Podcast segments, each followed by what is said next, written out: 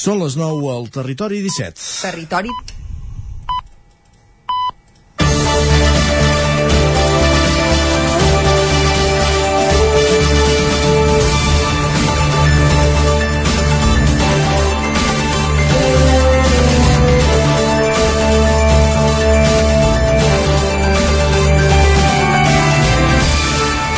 Divendres, la taula de redacció en Guillem Freixa ens explicava la intenció de la Generalitat d'instal·lar un centre d'acollida temporal de menors a Vic. Abans d'arribar a les pàgines dels diaris, la rumorologia es va escampar pels barris del sud de la ciutat. Els veïns se n'havien assabentat per sorpresa i això va provocar preocupació i malestar. La manca d'informació que hi havia fins aleshores, barrejada amb un ambient caldejat per alguns episodis de robatoris i incivisme de fa uns mesos, crea un clima idoni pel rumor i per despertar instints bàsics de rebuig. Això demostra que en aquest cas no s'ha fet bé les coses. Segurament Segurament, s'hagués ofert des d'un primer moment tota la informació als veïns s'hauria pogut evitar part de la tensió que es vivia des de feia uns dies i que va aflorar en la reunió que es va fer dijous a petició dels veïns amb l'Ajuntament i la Direcció General d'Atenció a la Infància i l'Adolescència, la de Gaia, on els veïns van conèixer finalment el projecte en detall donar resposta a les necessitats de nens i nenes normalment per sota dels 15 anys i majoritàriament d'Osona és el que farà aquest equipament joves nens que estan en una situació d'extrema vulnerabilitat. No són menors delinqüents, sinó tot el contrari. La majoria han estat víctimes del sistema o de la societat. Han patit maltractaments, desatenció o mort dels tutors legals. És un servei que fins ara no existia a Osona i els que es trobaven en aquesta lamentable situació, una mitjana de gairebé una trentena d'infants i adolescents als últims 5 anys, havien de ser derivats a Manresa o algun altre centre de l'àrea metropolitana. El que es vol fer a Vic tindrà una vintena de places que rebran cobertura de gairebé una trentena de professionals de diferents àrees. L'objectiu és que l'acollida sigui temporal, per això és important que puguin continuar a prop de la seva residència i d'aquesta manera tornar com més aviat millor a recuperar, si és possible, el lligam amb els seus progenitors o altres familiars. Si no ho és, la de Gaia decideix si els deriva un centre residencial o, segons l'edat, s'inicia un procés d'adopció. Segurament no és qüestionable la seva necessitat, però potser sí la idoneïtat del lloc on es vol instal·lar i encara més més com s'ha fet tota la gestió per part de la Generalitat. Som dimecres, 9 de febrer, comença el Territori 17 a la sintonia de la veu de Sant Joan, Ràdio Cardedeu, Ona Codinenca, Ràdio Vic, el 9 FM i el 9 TV. Territori 17, amb Isaac Moreno i Jordi Sunyer.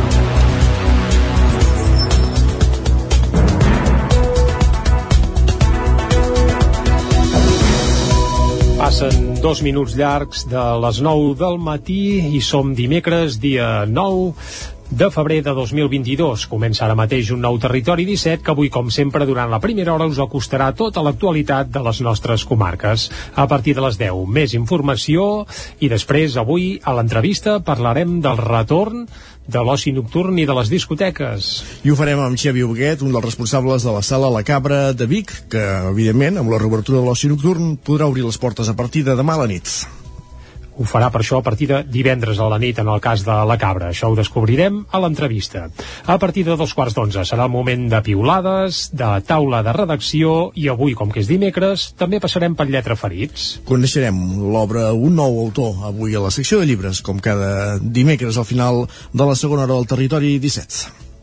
A les 11 actualitzarem el butlletí informatiu i després arribarà el territori sostenible d'en Jordi Givert. Des d'una codinenca, avui parlant de fotografia de, de fauna salvatge. Estarem atents? Estarem al cas, i tant que sí. I per acabar la darrera mitja hora, com cada dia, hi haurà un raconet per pujar al tren, a la Trenc d'Alba, i avui acabarem fent un repàs a l'agenda cultural per aquest cap de setmana. Com sempre, en connexió amb les diferents emissores que fan possible el Territori 17. I ara sí que per arrencar el que fem és acostar-vos, com fem sempre, a l'actualitat de casa nostra, l'actualitat de les comarques del Ripollès, Osona, el Moianès i el Vallès Oriental.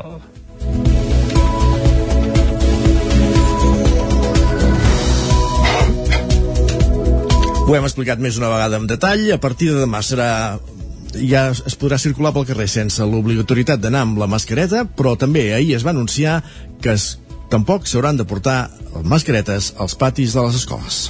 El govern va confirmar ahir que els alumnes dels centres educatius podran treure's la mascareta a l'aire lliure encara que els grups es barregin. Per tant, al pati i també en sortides o excursions a l'exterior, les mascaretes ja no seran necessàries.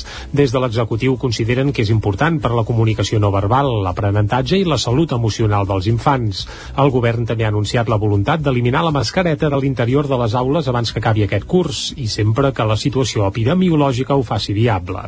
Aquesta setmana ja s'han deixat deixat també de fer cribratges als alumnes quan hi ha positius de Covid-19 a la classe i aquest mes de febrer podrien desaparèixer també les quarantenes de grup, ara que es fan quan hi ha 5 casos de positius en una setmana o l'equivalent al 20% o més dels alumnes d'un grup. Aquesta mesura, però, hauria de ser comuna a tot l'estat espanyol. Recordem també que la nit de dijous a divendres podrà reobrir l'oci nocturn i les sales de concerts. Ho faran sense restriccions ni d'horari ni d'aforament i sense haver de sol·licitar el passaport Covid a les entrades. A l'interior l'interior, però, això sí, caldrà dur mascareta. Més qüestions. Canviem de tema. Nou intent de l'Ajuntament de Vic per vendre la Casa Moreta. El consistori la torna a posar a subhasta i ho farà rebaixant el preu. El primer intent va ser l'any 2013. L'equip de govern va assegurar durant l'últim ple que l'edifici no es pot adequar per fer-hi habitatge social, cosa que demanen els grups de l'oposició. Des de l'any 2013, l'Ajuntament de Vic ha posat a subhasta diverses vegades part de Casa Moreta. Són tres habitatges, dos locals i un traster d'un edifici municipal que havia acollit pisos tutelats i un centre de dia. En els tres procediments anteriors, però, la subhasta ha quedat deserta i en el ple d'aquest dilluns es va aprovar de nou l'expedient d'alineació i la licitació. El preu ha anat baixant. L'any 2013 se'n demanaven 900.000 euros, ara 576.000.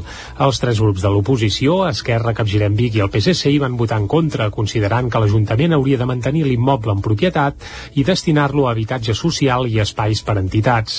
L'equip de govern de Junts per Catalunya assegura que no és una bona opció Escoltem per aquest ordre a Carla Dinarès de Capgirem Vic, Carme Tena del PSC i a Núria Oms, que és regidora de Benestar i Família i Economia i Serveis Generals de l'Ajuntament de Vic. Demanem, doncs, que, que frenin aquest procés, que apostin per fer polítiques d'habitatge que tendeixin a fer front a, a la crisi habitacional i que l'Ajuntament no es vengui aquests habitatges i que immediatament comencin els processos que faci falta per acondicionar-los i, i posar-los a disposició de qui ho necessiti una vegada més abaixem un 15% el preu d'aquests habitatges. Per cert, el PSC ha demanat reiteradament quan es va constituir el patrimoni municipal de sol i habitatge sense obtenir resposta. Són habitatges molt antics, s'ha de fer una inversió molt important i, i per tant doncs, no, no se'ns ajustarien a les necessitats que tenim no? eh, per, per temes d'habitatge. Aprofito ja la benentesa per dir-vos que properament doncs, eh, estrenarem sis habitatges d'emergència nous, set, perdoneu, set, durant el ple Esquerra també va denunciar el mal estat d'alguns dels busos urbans que circulen per la ciutat. Segons la regidora d'Urbanisme i Mobilitat, Fabiana Palmero, els vehicles que han generat queixes pel fum no formen part de la flota habitual de l'empresa Segalés. Palmero també recordava que s'està treballant en una nova concessió. Escoltem a Vic i Terri Cabres d'Esquerra i a Fabiana Palmero, que és la regidora d'Urbanisme i Mobilitat de l'Ajuntament de Vic. Nosaltres creiem que en aquest punt urgeix molt que es faci algun tipus d'actuació. I arran de les demandes que fem des de l'Ajuntament, que feu segurament vosaltres, que fan veïns i gent que no està, evidentment que no volem que aquests busos circulen per la ciutat, eh, ara estan intentant que els propers busos que facin la substitució dels vehicles avariats no siguin aquests. Vellarem per això mentre no tinguem la nova concessió.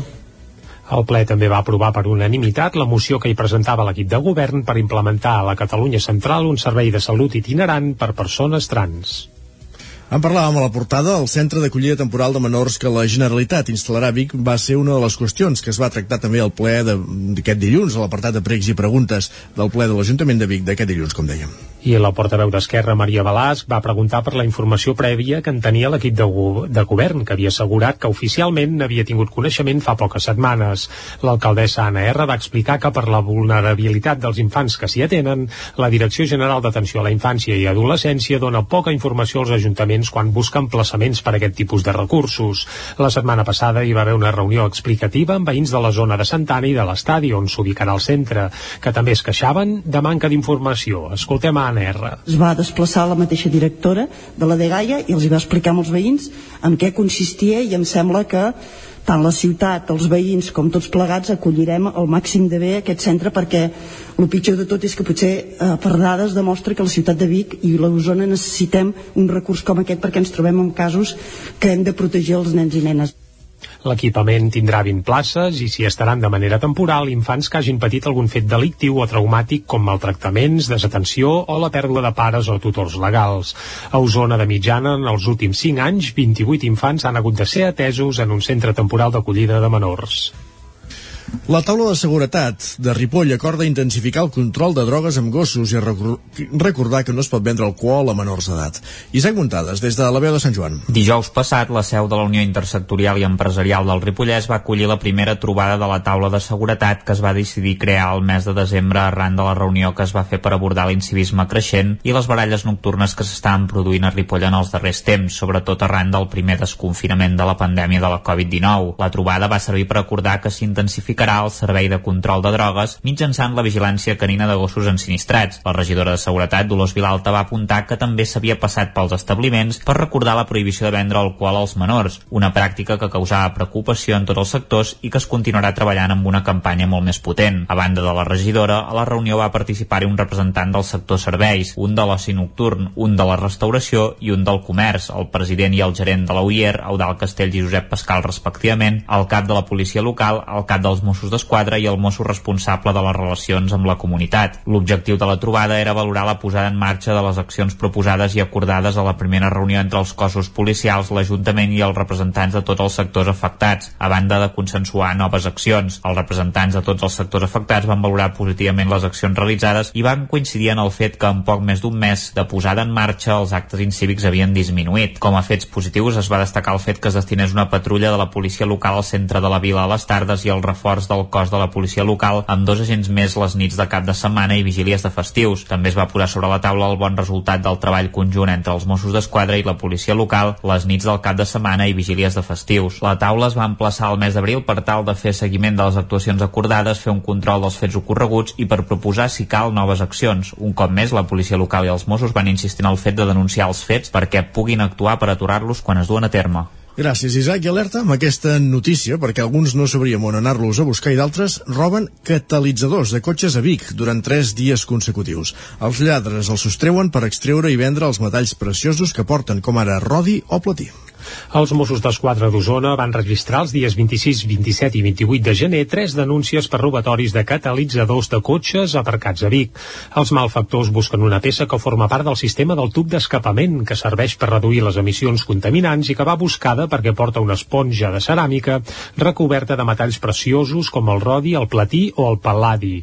Ja fa anys que és habitual que se'n sostreguin arreu de Catalunya. En destaquen els furs, sobretot a la comarca del Maresme.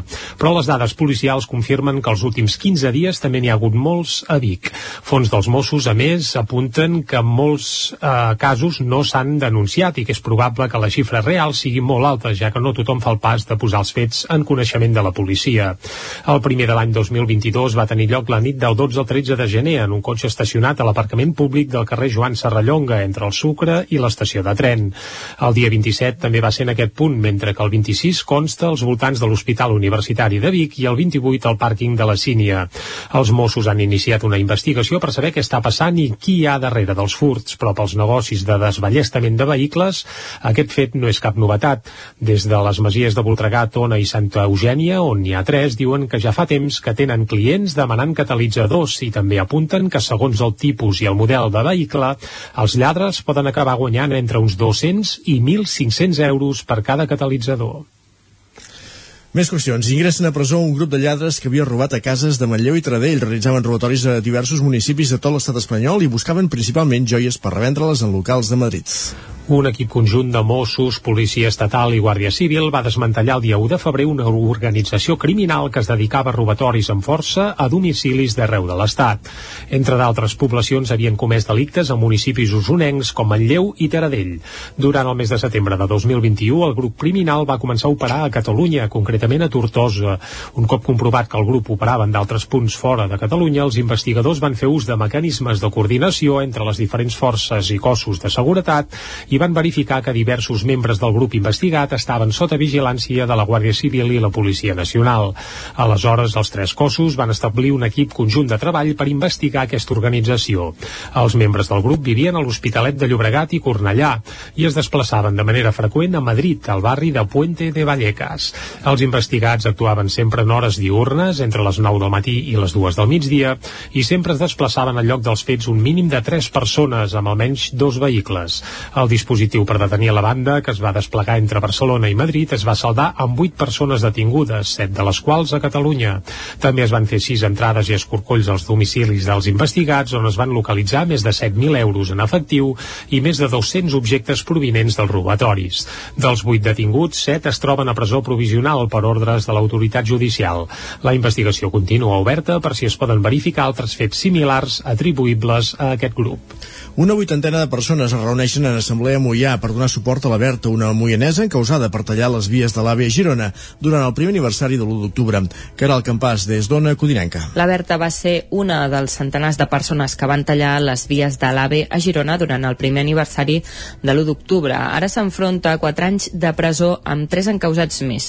Dilluns al vespre a Mollà, una vuitantena de veïns es van reunir en una primera assemblea per organitzar una mobilització per rebutjar el procés obert contra la Berta. Ella mateixa explicava per què activen ara el grup de suport a Mollà.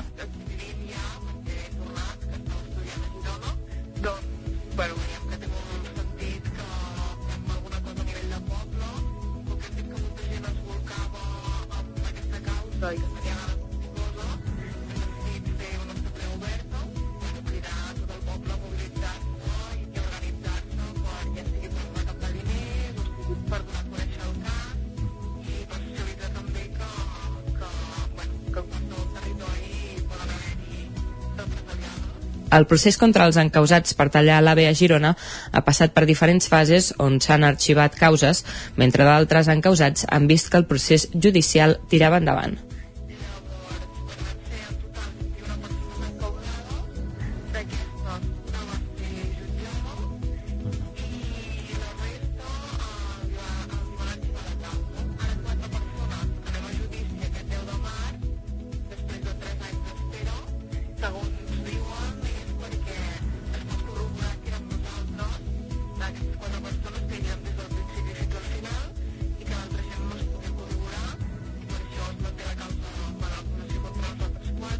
La Berta serà jutjada a Girona el dia 10 de març. Des del grup de suport a la Berta animen els veïns de Mollà a firmar un manifest de rebuig a la repressió que representa aquest procés judicial i manifestar-se a Girona el proper 26 de febrer. I a la pàgina cultural, Cardedeu ha acollit aquest cap de setmana la 18a edició del Festival de Música Tastautors, un dels pocs festivals que amb l'aforament reduït al 50% encara s'ha poder celebrar l'any passat. Núria Lázaro, des de Ràdio Televisió Cardedeu.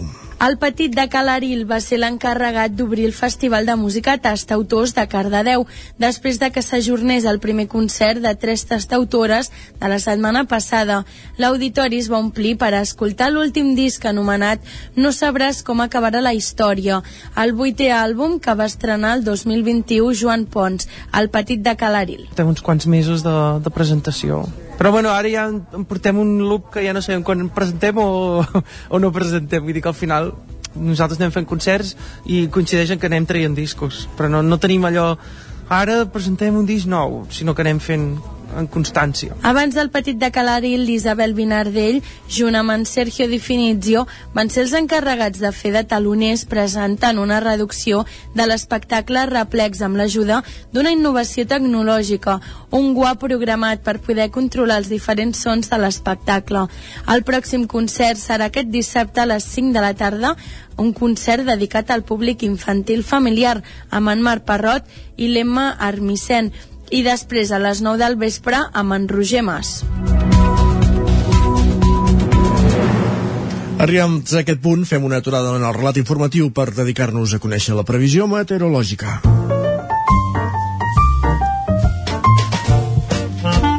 Casa Terradellos us ofereix el temps. Una previsió que cada dia ens porta en Pep Acosta. Aquí ja saludem. Bon dia, Pep. Hola, molt bon dia. Molt bona Què tal va la setmana? Espero que tots estigueu bé, que tot vagi molt bé, eh, i anem fent, eh? Anem tirant la setmana, anem passant el mes de febrer, eh, i un company de feina em deia hem passat el 10% ja del 2022, i jo vaig dir, ostres, vaig quedar mm, No ha una mica, dic, uah, Uh, dic, és veritat uh, dic, dic és, és la veritat dic, uah, dic uh, no, no pot ser no és bo que passi tan, tan de pressa el temps i, I que no plogui. i, i que ens passi d'aquesta manera relatiu, home, tot és relatiu. uh, els dies, els mesos i les setmanes eh? és massa, massa de pressa eh? per mi està passant massa de pressa aquest 2022 a més hi ha tanta informació hi ha tantes coses que ens passen encara més de pressa doncs això, eh, ja ens ha passat un 10% d'aquest any 2022 i ja ens han passat 3 dies d'aquesta setmana novament anticiclònica. Ahir escoltava el temps eh, a TV3 eh, fa uns dos mesos que tenim la mateixa situació. Eh, són molts dies.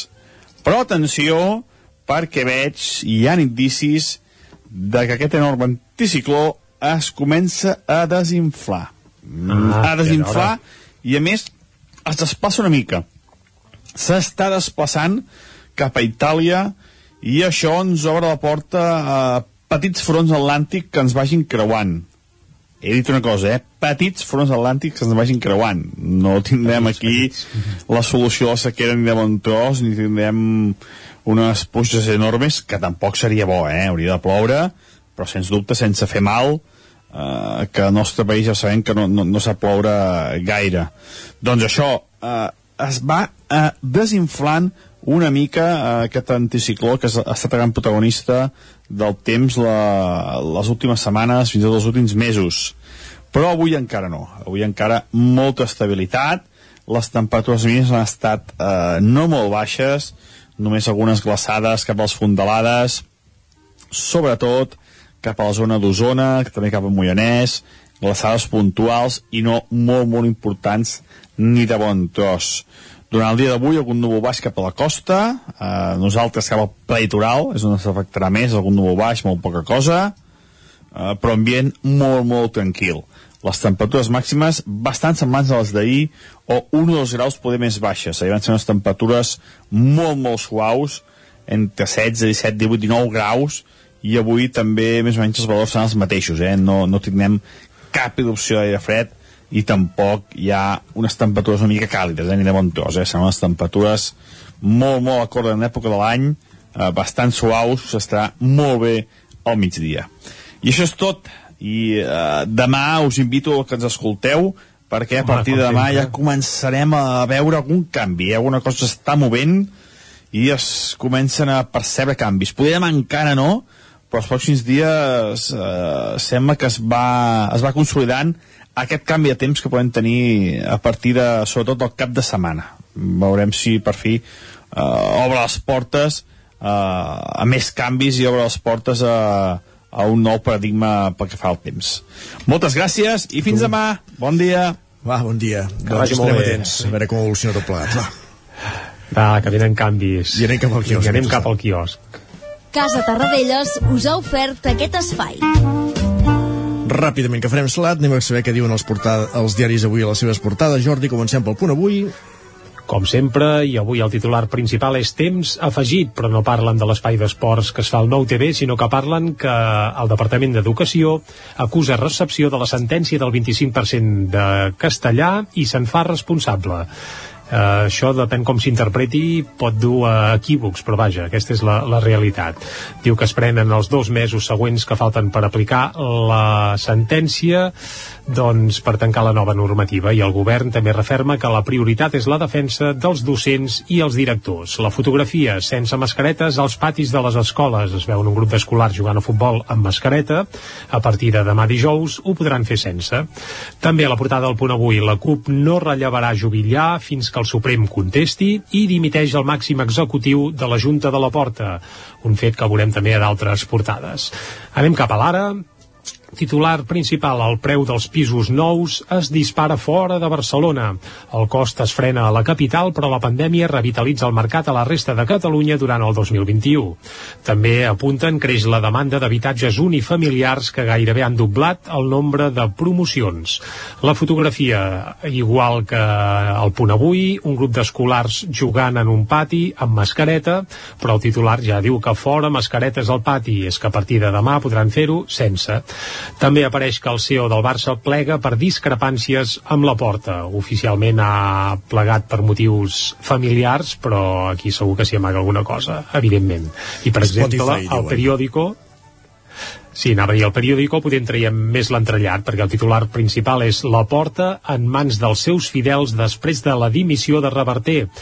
El CEO del Barça, que havia de reconstruir la club, xoca per la gestió després del final dels avals. L'acord de patrocini amb Spotify, la topada final que, va, que fa vessar el Bas i obre una crisi al club. Això apareix a la portada del periòdico. Més portades o t'hem perdut? Definitivament perdut l'enllaç amb en Jordi, que aquests dies el tenim confinat a casa. Podem llegir també la portada de La Vanguardia. Catalunya paga el 45% de l'impost de patrimoni a tot Espanya. La fotografia per les 600.000 signatures que es van lliurar ahir al Ministeri d'Economia contra, pel maltractament de les oficines bancàries envers la gent gran eh, contra l'exclusió digital de los mayores, diu aquest el peu d'aquesta foto, i també el govern acat a l'ordre judicial per aplicar el 25% de castellà sense dir, decidir, sense dir com, i Ayuso obre la porta a governar amb Vox a Castella i Lleó. Jordi, tenim un minut per repassar les portades publicades a Madrid. Ets aquí?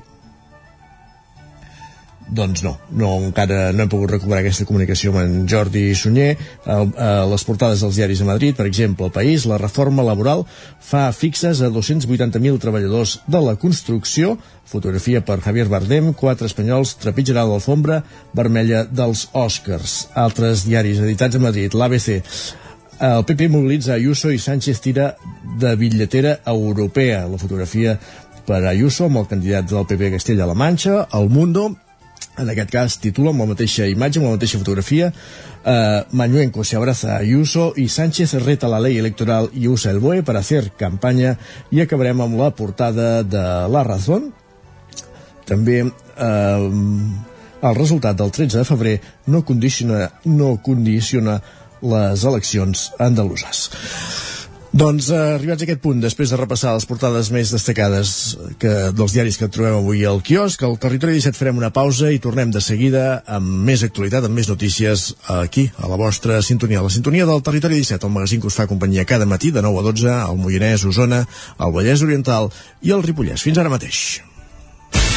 El nou FM, la ràdio de casa, al 92.8. Gràfics Air, el seu proveïdor global en rotulació i impressió digital. Oferim servei de disseny, producció i instal·lació de qualsevol projecte en rotulació industrial i comercial. Rètols corporis, senyalització preventiva, senyalització viària, senyalització interior de naus, vinils decoratius per a oficines i establiments comercials, rotulació de vehicles... Confia en els serveis que li pot oferir Gràfics Air. Ens trobarà al carrer Lleida 39 de Vic o a graphicsAir.com. Això és el que s'escolta al voltant d'una caldera saunia d'Oval.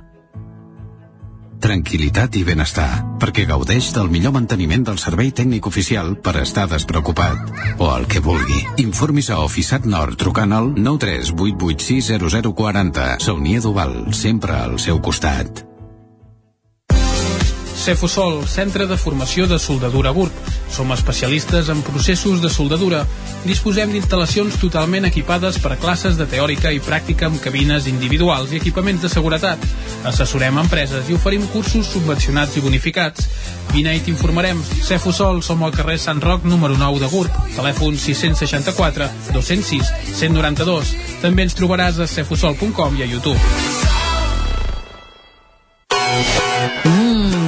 Fa que no menges pluma ibèrica de Salamanca i xuletilles de lechal a la brasa amb una bona amanida? Oh, i un xuletón de vedella gallega? O lechazo de Castilla al forn? Ah, i botillo del Bierzo amb cachelos i col? Ei, i cochinillo a l'estil de Segovia, i tot acompanyat d'un bon celler. Oh, i uns bons serranitos de pollastre, de llom, d'hamburguesa, del que tu vulguis. Per menjar la millor cuina de Lleó sense moure't de casa, vine a El Racó de León. Fem cuina tradicional lleonesa i de mercat.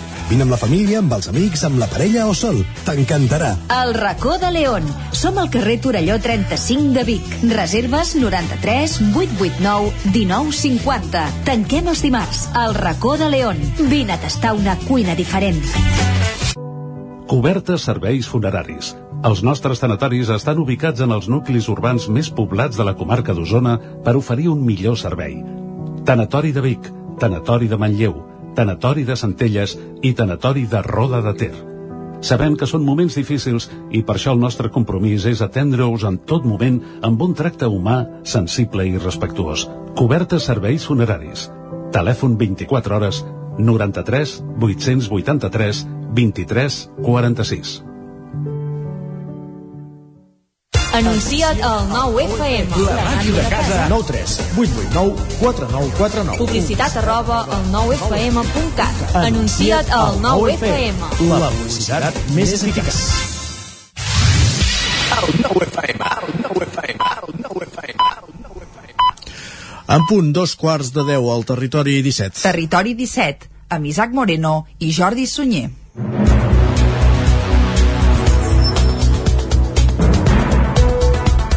A dos quarts de deu I a dos quarts de deu en punt el que ens començava, començava en Jordi és que com cada dia el que fem és recuperar el fil informatiu al territori 17, no sense abans repassar ràpidament el més destacat que tindrem avui en aquest programa. Com dèiem, fins a les 10 actualitats, meteorologia, repassarem les portades i acabarem aquesta hora amb música. No sé si ets aquí, Jordi, per avançar-nos amb qui Sí, sí, ens sí, acompanyarà, sí. amb Som què aquí. deleitaràs avui. Va. Mira, avui descobrirem uh, Cult of Lion, culte del lleó. És un nou grup usonenc que acaba de treure un disc fantàstic i bé, fan un tipus de rock molt poc habitual al territori 17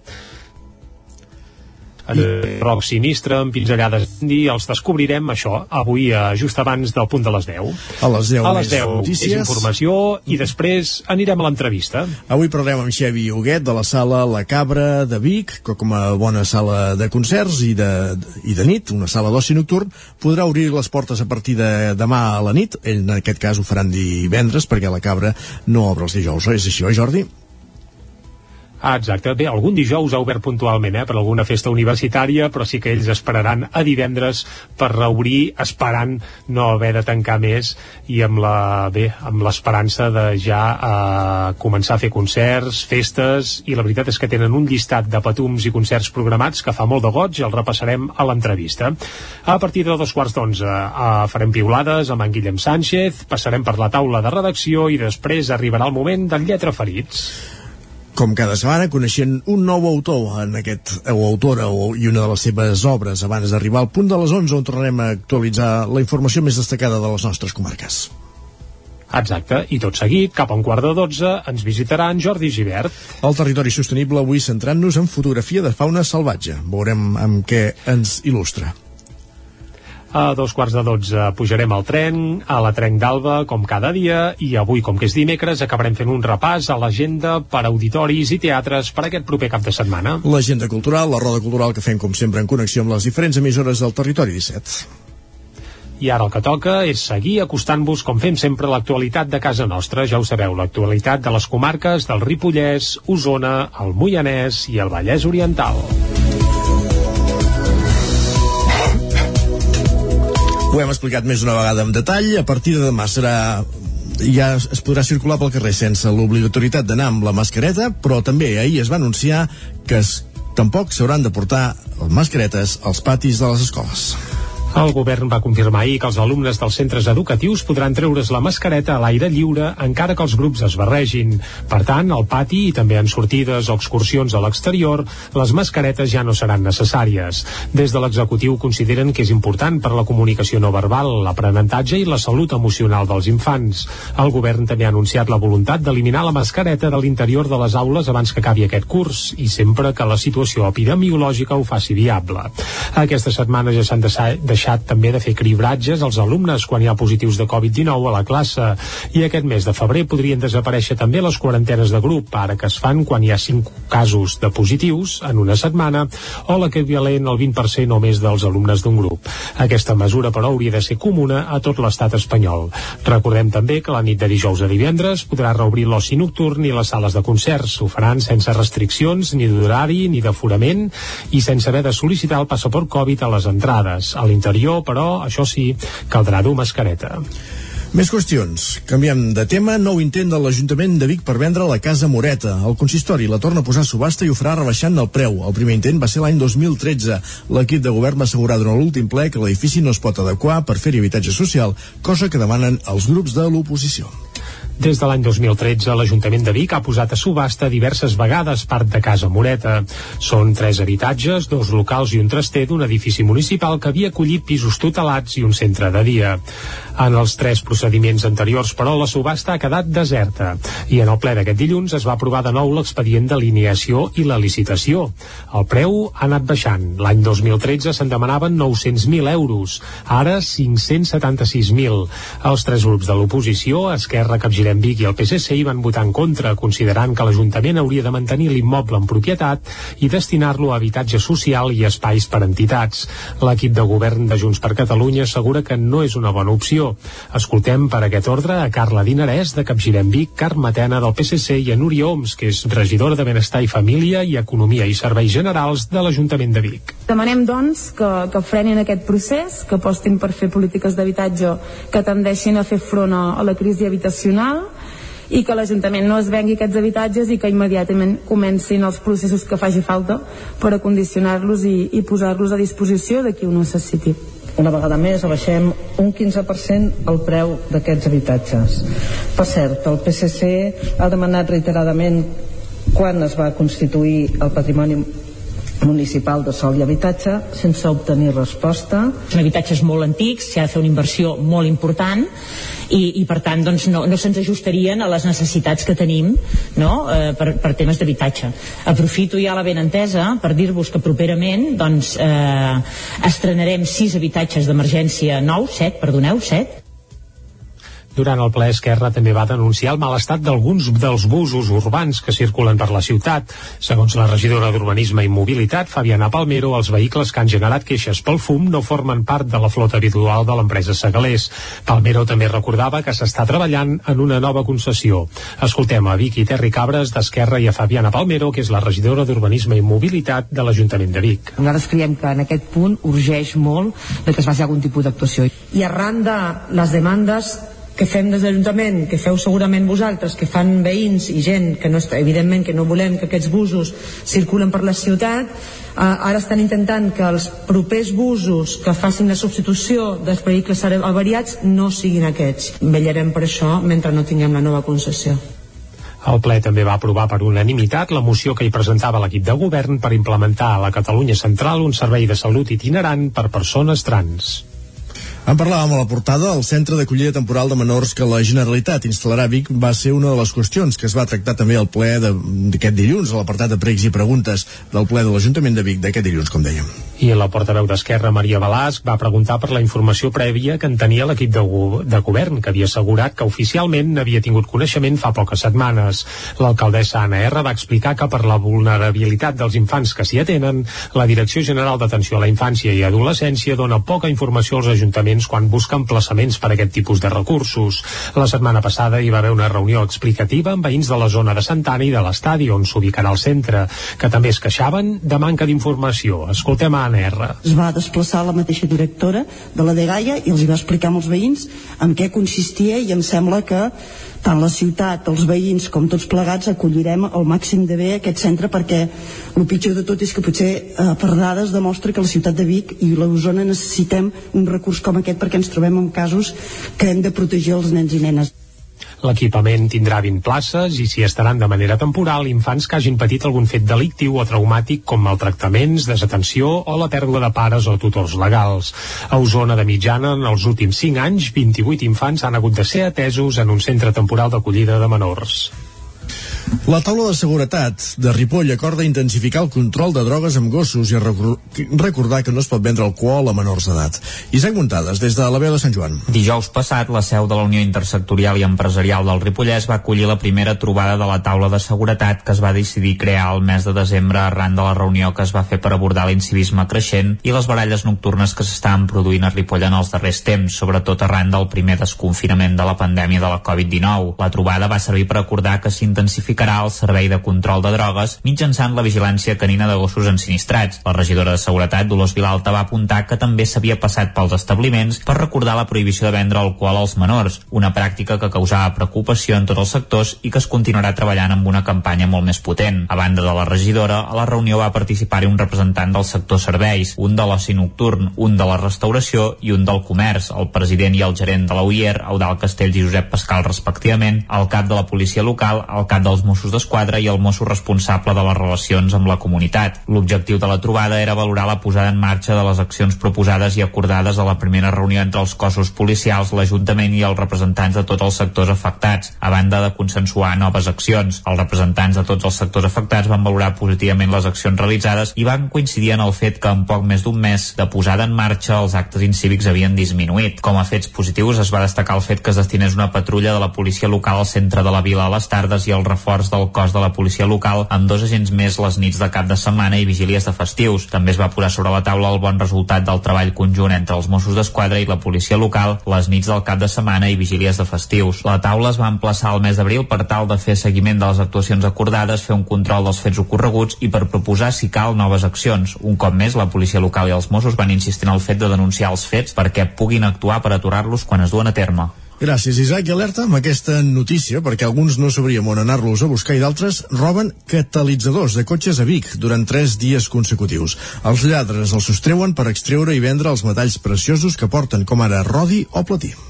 Els Mossos d'Esquadra d'Osona van registrar els dies 26, 27 i 28 de gener tres denúncies per robatoris de catalitzadors de cotxes aparcats a Vic.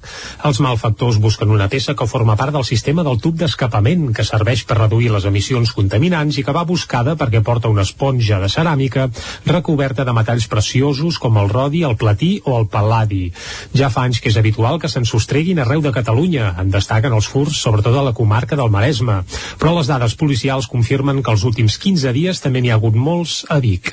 Fons dels Mossos, a més, apunten que molts eh, casos no s'han denunciat i que és probable que la xifra real sigui molt alta, ja que no tothom fa el pas de posar els fets en coneixement de la policia. El primer de l'any 2022 va tenir lloc la nit del 12 al 13 de gener en un cotxe estacionat a l'aparcament públic del carrer Joan Serrallonga entre el Sucre i l'estació de tren. El dia 27 també va ser en aquest punt, mentre que el 26 consta als voltants de l'Hospital Universitari de Vic i el 28 al pàrquing de la Sínia. Els Mossos han iniciat una investigació per saber què està passant i qui hi ha darrere dels furts, però pels negocis de desballestament de vehicles aquest fet no és cap novetat. Des de les masies de Voltregà, Tona i Santa Eugènia, on n'hi ha tres, diuen que ja fa temps que tenen clients demanant catalitzadors i també apunten que segons el tipus i el model de vehicle, els lladres poden acabar guanyant entre uns 200 i 1.500 euros per cada catalitzador.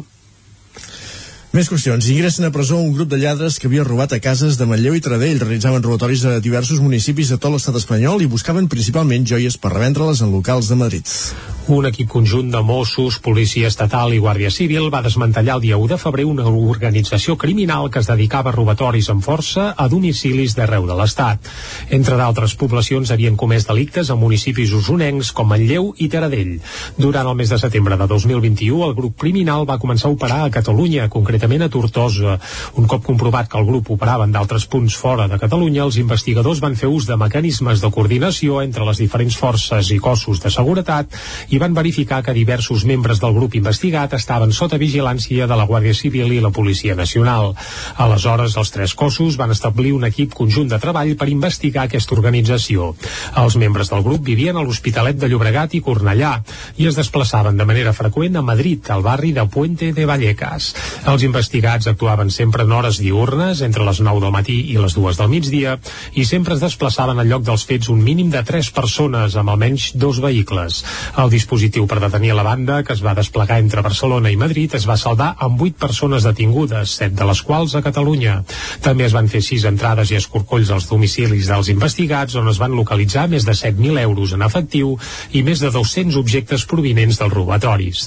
Dels 8 detinguts, 7 es troben a presó provisional per ordres de l'autoritat judicial.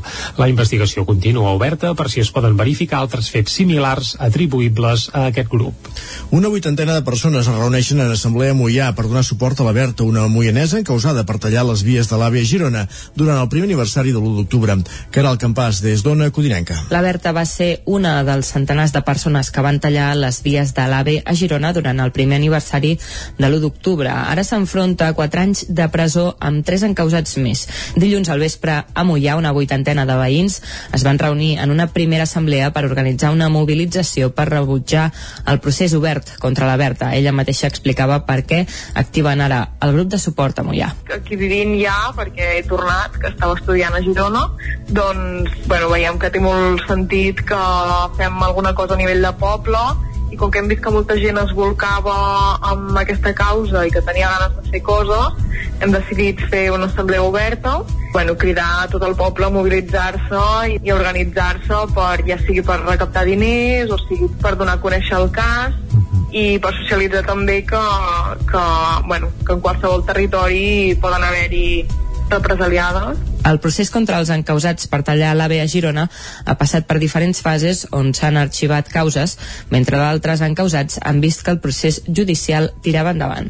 Llavors, bueno, vam ser en total 21 persones encausades, d'aquestes una va ser jutjada uh -huh. i la resta uh, li va, els hi van arxivar la causa. Ara quatre persones anem a judici aquest 10 de març, després de 3 anys d'espera, segons diuen és perquè es pot corroborar que érem nosaltres aquestes quatre persones que hi érem des del principi fins al final i que l'altra gent no es podia corroborar i per això es manté la causa, bueno, l'acusació contra nosaltres quatre. La Berta serà jutjada a Girona el dia 10 de març. Des del grup de suport a la Berta animen els veïns de Mollà a firmar un manifest de rebuig a la repressió que representa aquest procés judicial i manifestar-se a Girona el proper 26 de febrer. I a la pàgina cultural, Cardedeu ha acollit aquest cap de setmana la vuitena edició del Festival de Música Tastautors, un dels pocs festivals que amb l'aforament reduït al 50% encara es va poder celebrar l'any passat. Núria Lázaro, des de Ràdio Televisió Cardedeu. El petit de Calaril va ser l'encarregat d'obrir el Festival de Música Tastautors de Cardedeu, després de que s'ajornés el primer concert de tres tastautores de la setmana passada. L'auditori es va omplir per escoltar l'últim disc anomenat No sabràs com acabarà la història, el vuitè àlbum que va estrenar el 2021 Joan Pons, el petit de Calaril. Té uns quants mesos de, de presentació. Però bueno, ara ja en, portem un loop que ja no sabem quan presentem o, o no presentem. Vull dir que al final nosaltres anem fent concerts i coincideixen que anem traient discos però no, no tenim allò ara presentem un disc nou, sinó que anem fent en constància. Abans del petit de Calaril, l'Isabel Vinardell, junt amb en Sergio Di Finizio, van ser els encarregats de fer de taloners presentant una reducció de l'espectacle Replex amb l'ajuda d'una innovació tecnològica, un guà programat per poder controlar els diferents sons de l'espectacle. El pròxim concert serà aquest dissabte a les 5 de la tarda, un concert dedicat al públic infantil familiar amb en Marc Parrot i l'Emma Armicent i després a les 9 del vespre amb en Roger Mas. Arribem a aquest punt, fem una aturada en el relat informatiu per dedicar-nos a conèixer la previsió meteorològica.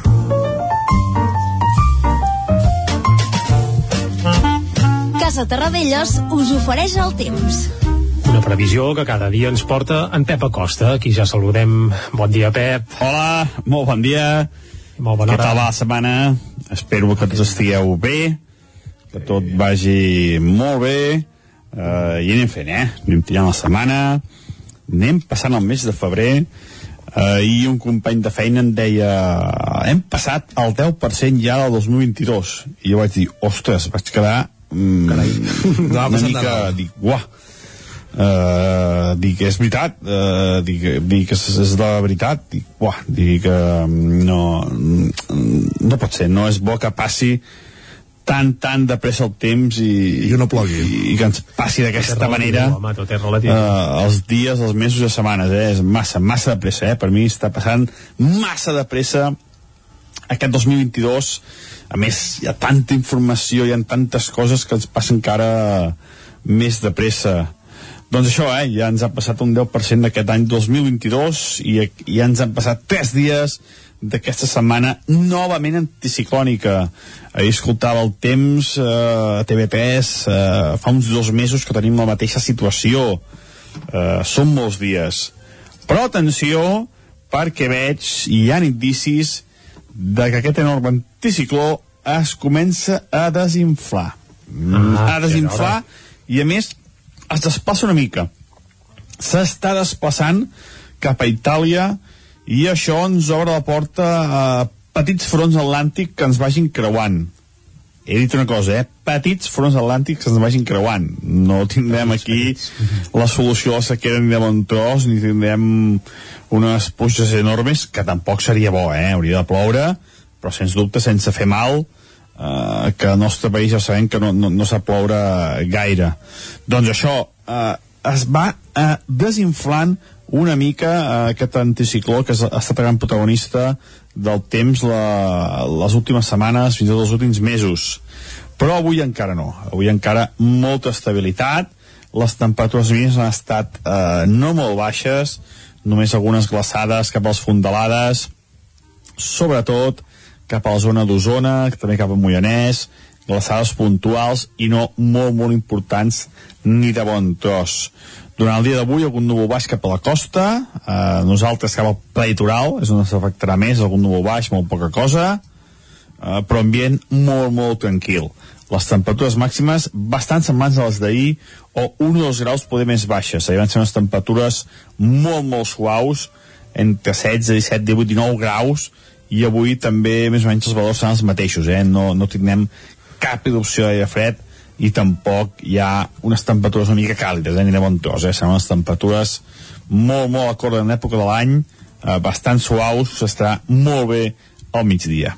I això és tot, i eh, demà us invito a que ens escolteu, perquè a partir de demà ja començarem a veure algun canvi, eh? alguna cosa s'està movent i es comencen a percebre canvis. Poder demà encara no, però els pròxims dies eh, sembla que es va, es va consolidant aquest canvi de temps que podem tenir a partir de, sobretot del cap de setmana. Veurem si per fi eh, obre les portes eh, a més canvis i obre les portes a, a un nou paradigma pel que fa al temps.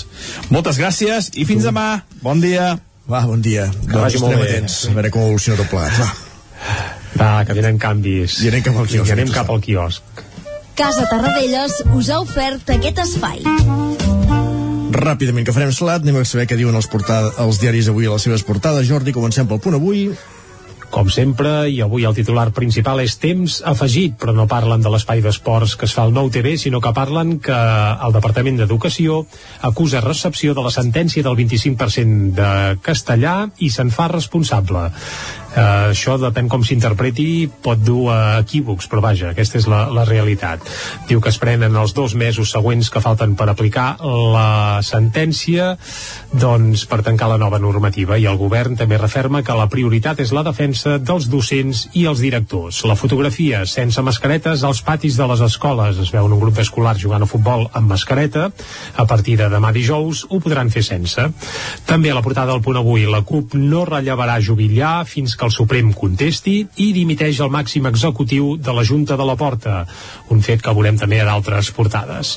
Anem cap a l'ara, Titular principal, el preu dels pisos nous es dispara fora de Barcelona. El cost es frena a la capital, però la pandèmia revitalitza el mercat a la resta de Catalunya durant el 2021.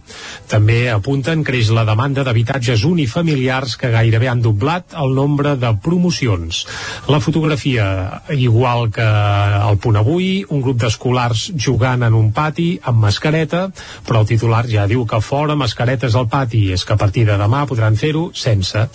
També apareix que el CEO del Barça plega per discrepàncies amb la porta. Oficialment ha plegat per motius familiars, però aquí segur que s'hi amaga alguna cosa, evidentment. I per exemple, diuen. periòdico Sí, anava a dir el periòdico, podem traiem més l'entrellat, perquè el titular principal és la porta en mans dels seus fidels després de la dimissió de Reverter. El CEO del Barça, que havia de reconstruir la club, xoca per la gestió després del final dels avals. L'acord de patrocini amb Spotify, la topada final que, va, que fa vas i obre una crisi al club. Això apareix a la portada del periòdico. Doncs Jordi, anem cap a l'avantguàrdia. Va, anem cap a l'avantguàrdia. Titular principal, Catalunya paga un 45% de l'impost de patrimoni de tot l'estat espanyol. Els contribuents de Madrid s'estalvien 5.200 milions d'euros entre 2014 i 2019 perquè allà l'impost de patrimoni evidentment és un altre. Més coses que apareixen. El govern acata l'ordre judicial per aplicar el 25% de castellà sense dir com. Ayuso obre la porta a governar amb Vox a Castella i Lleó. Ahir va anar d'excursió per donar suport al PP de Castella i Lleó i ja va apuntar que amb Vox s'hi val a governar. I també el director general del Barça dimiteix per desacords amb la porta. Això a la portada de l'avantguàrdia. Anem a la premsa d'àmbit estatal. Sí, si vols tinc una última hora, eh? Per explicar-te. Eh, doncs va. El Festival Bioritme se celebrarà a Torelló del 25 al 28 d'agost. El Bioritme Doncs que es feia a sí, Vilanova el de Sau. bioritme uh, la sabia aquesta última, deixa Vilanova de Sau i se'n va a Torelló i aterrarà uh, bé a la zona on s'havia fet històricament l'Osona Rigui perquè Correcte. la gent ens entengui Ho acaba de fer públic l'Ajuntament de Torelló ara mateix. Dit. doncs una novetat que, que bé, que musicalment parlant diguem que Osona almenys no perd el gran festival que s'estava fent i que els darrers dos anys s'havia suspès per culpa de la pandèmia Correcte. Per tant, eh, qui tingui entrada perquè hi ha molta gent que tenia entrada que sàpiga que haurà d'anar a Torelló i no pas a Que no Vilanova de. Sau a finals d'agost No tenim, no, Molt bé, no, doncs no hi tenim el apunt pantà, d'aquesta última hora no hi tenim el pantà, però hi ha el riu, igual, un- hi ha el riu igualment allà al costat. En fi, és igual, va, continuem. Sí, exacte, el Ter és el mateix que hi ha al Pantà de Sau que a Torelló. Molt bé. A- Anem cap al país, va. La reforma laboral, el país no parla del bioritme, eh? encara no, no ho saben. La reforma laboral fa fixes a 2.000, a, no a 2.000, sinó a 280.000 empleats de la construcció. També Putin eh, menysprea Macron i només contempla acords amb Estats Units i quatre espanyols trepitjaran l'alfombra vermella dels Oscars i a la fotografia hi ha eh, Javier Bardem. Més portades d'àmbit estatal. Deixem el país, anem a l'ABC. El PP mobilitza Ayuso i Sánchez tira de, batlle, de bitlletera europea. Estan parlant de les eleccions a Castella i Lleó i la fotografia il·lustra Ayuso a punt d'abraçar-se amb el candidat del PP a, a A Castella i Lleó. A Castella perdó, sí. Sí. El Mundo, Sánchez repta la llei electoral i fa servir el BOE per fer campanya. Això, evidentment, és la interpretació que en fa el Mundo de tot plegat. La fotografia és la mateixa que hi havia a l'ABC, amb Mañueco a punt d'abraçar Ayuso, i també apareix a la portada del Mundo que Putin menysprea Macron i es nega a un compromís de desescalada a Ucraïna. I acabem fent un cop d'ull a la portada de la Razón, el resultat del 13F no condicionarà les andaluses. Evidentment, el 13F és el dia que hi ha eleccions a Castella i Lleó, i eh, la líder madrilenya, Ayuso, diu que ahir va anar a recolzar Mañueco i va defensar sense complexes el projecte del PP a Castella i Lleó. Molt bé. També les dades qüestionen l'ús de les mascaretes obligatòries. Sí, Això ara ja- A la portada de la Razón. Això sí, això sí que se'n diu fer salat. Uh, estem sí. escoltant música de fons ara ja. Per tant, Sí, si ens sí, explica... sí, ja deixem el tema portades, deixem el quiosc i anem al tema musical. Cada dia abans d'arribar al punt de les 10 escoltem alguna novetat, alguna música que ens alegri una mica les orelles i avui descobrirem una nova banda. Es diuen Cult of Lion, són de Vic i acaben de publicar Astral Games, eh, el seu primer disc. És un disc així d'indie rock, amb pinzellades de rock sinistre, canten en anglès i la veritat és que sonen molt i molt bé. I el que farem ara fins a arribar al punt de les 10 és escoltar Knis, que és el seu primer single d'aquest nou disc. Sí? L'escoltem? Endavant, som-hi. Doncs va, amb Cult of Lion arribarem fins al punt de les 10 aquí a Territori 17.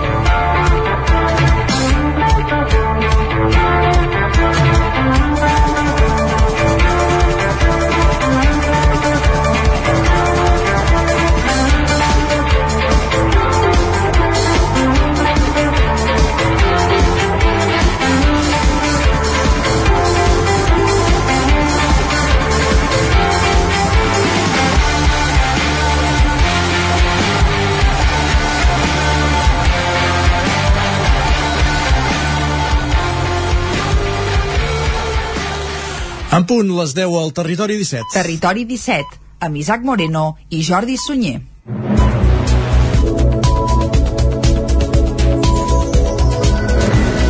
Moment al Territori 17 de posar-nos al dia d'actualitzar-nos amb les notícies més destacades de les nostres comarques, el Ripollès, el Moianès, Osona i el Vallès Oriental i fent-ho en connexió amb les diferents emissores que cada dia fan possible aquest programa. Ona Codinenca, la veu de Sant Joan, Ràdio Cardedeu, el 9FM, Ràdio Vic i el 9TV.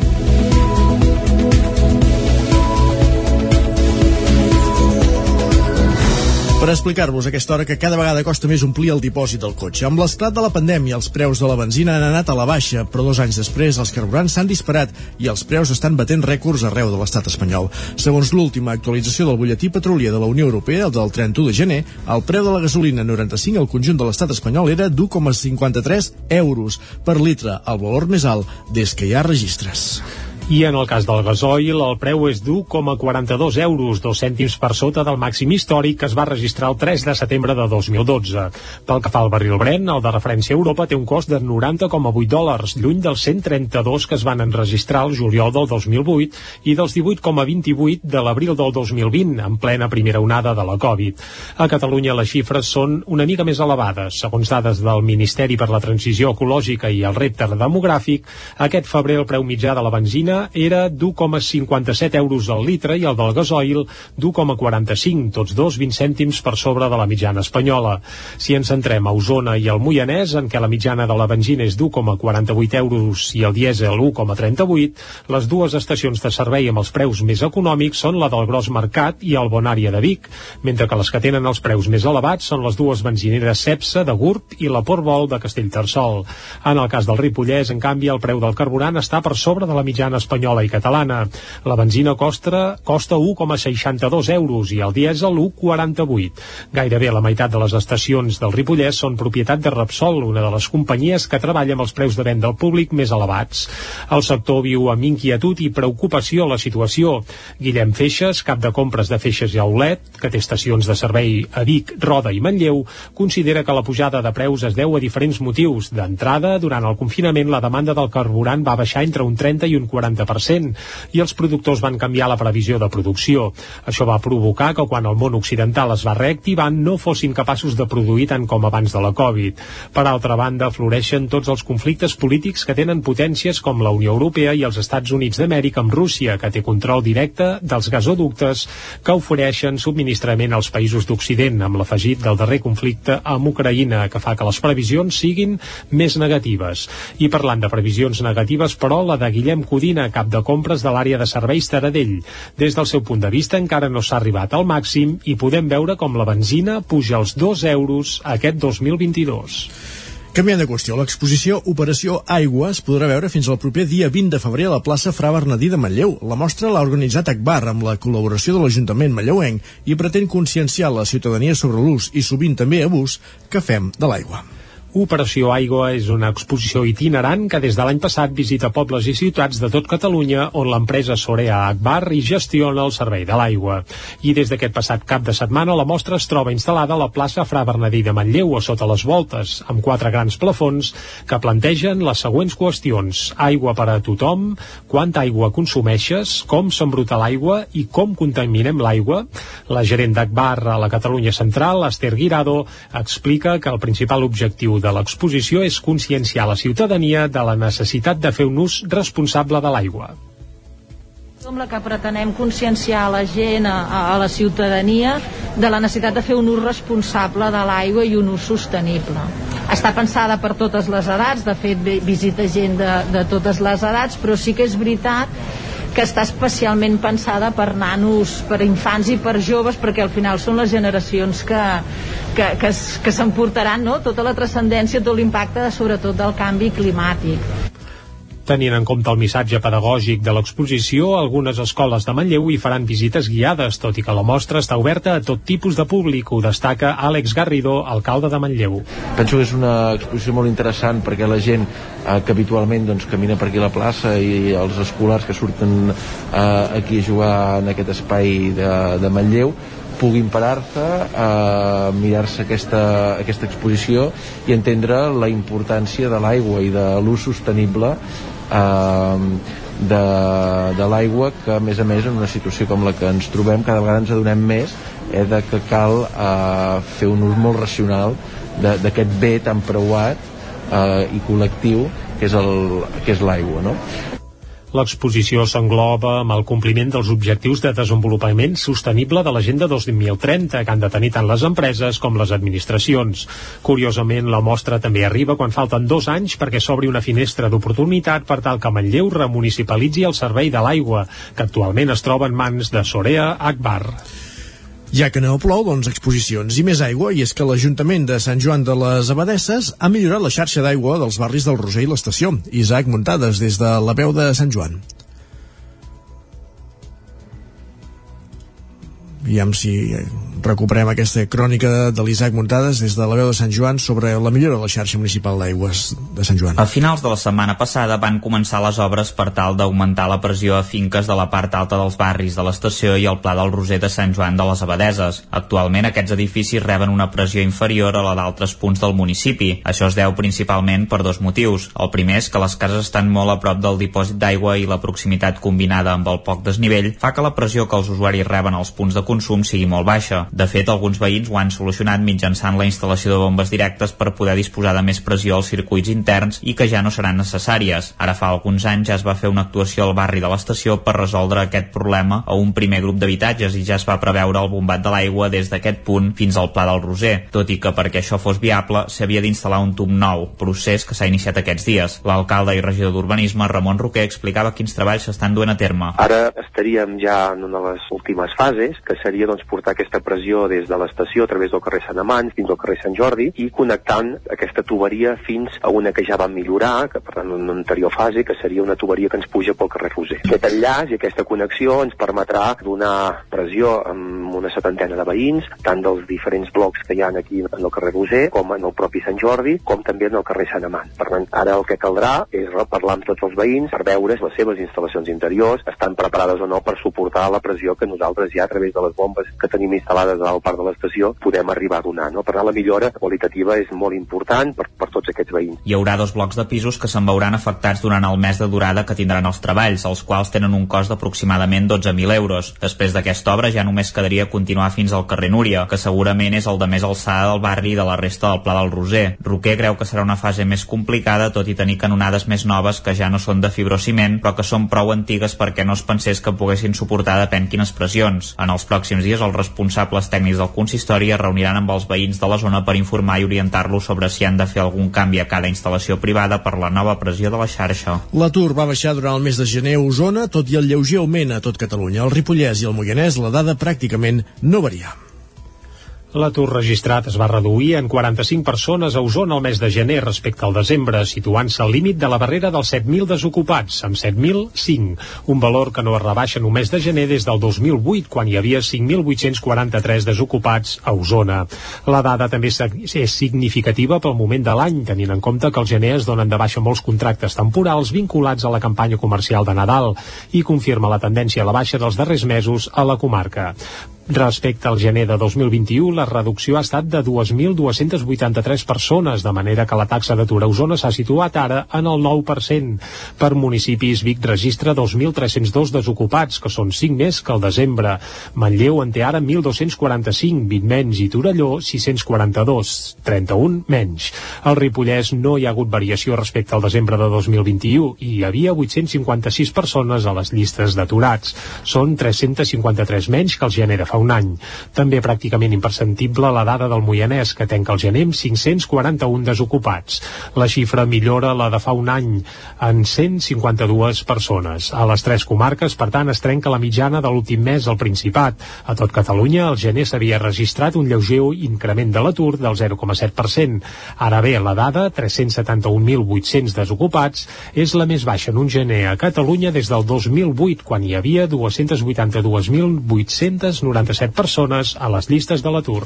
Canviem de qüestió, anem fins a Sant Quirze Safaix al Moianès, perquè en aquest municipi es construirà el primer semestre del 2022 un PAM Track, un circuit per a bicicletes i patins. Serà la primera pedra d'un projecte més ambiciós que pretén dotar de diferents equipaments esportius i espais verds l'esplanada que separa l'escola de Sant Quirze del poble. Caral Campàs, des d'Ona Codinenca. L'Ajuntament de Sant Quirze està pendent de l'arribada dels permisos de l'Agència Catalana de l'Aigua per executar ja el projecte. Un cop arribin aquests permisos, l'obra podria estar acabada en un mes. Aitor Guiteres, regidor de Joventut de Sant Quirze, explicava les característiques d'aquest circuit.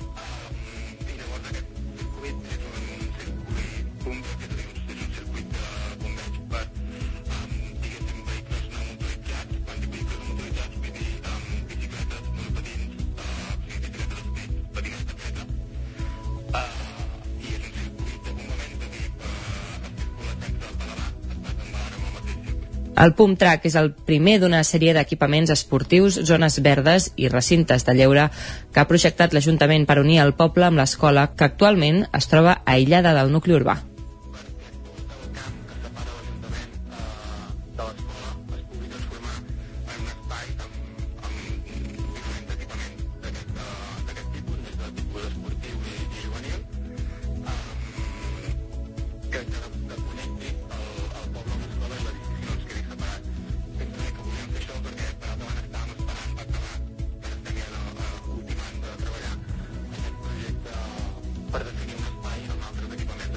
El Pump Track surt com a resultat de les peticions del jovent del poble de tenir equipaments per fer activitats esportives a prop de casa. El circuit tindrà un cost aproximat de 48.000 euros que assumirà íntegrament l'Ajuntament de Sant Quirze amb fons propis. I més qüestions, perquè l'esquerra independentista de Vic va organitzar diumenge l'acte d'homenatge a les víctimes dels bombardejos aeris que Vic va patir durant la Guerra Civil Espanyola. L'historiador Josep Casnovas va liderar una ruta que va finalitzar la plaça commemorativa que hi ha al Temple Romà i van participar una cinquantena de persones. Al capdavall del carrer Torres i Bages, molt a prop de l'antiga fàbrica de la Sibèria, i arrencava diumenge l'homenatge a les víctimes dels bombardejos aeris que Vic va patir durant la Guerra Civil Espanyola. En aquest punt hi van tenir lloc el primer dels quatre atacs. Va ser el dia 21 de desembre de 1938 i va ser el més mortífer. Nou persones, una, dels, una de les quals menor d'edat, hi van perdre la vida. Ho explicava l'historiador biguetà Josep Casanovas, que va liderar una ruta guiada que va continuar per la Casa Serra Tosa, on els efectes de la metralla encara són ben visibles. Josep Casanovas. La ruta comença en un dels punts on hi va haver més morts, en el primer bombardeig que hi va haver a la ciutat de Vic el dia 21 de desembre de l'any 1938. Després passa per una de, de, dels punts, per la casa Serratosa, on encara hi ha els eh, vestigis de la metralla que va impactar a la, a la façana de la, de la casa. Després ens aturarem al principi del passeig per explicar els refugis que, que es van construir durant la guerra i eh, acabarem, eh, acabarem eh, davant del temple romà, que és el lloc on es fa l'homenatge a les víctimes. En els quatre bombardejos a Vic hi van perdre la vida un total de 24 persones. Va ser en atacs que d'entrada no van impactar en els objectius militars que hi havia a la ciutat. Josep Casanovas.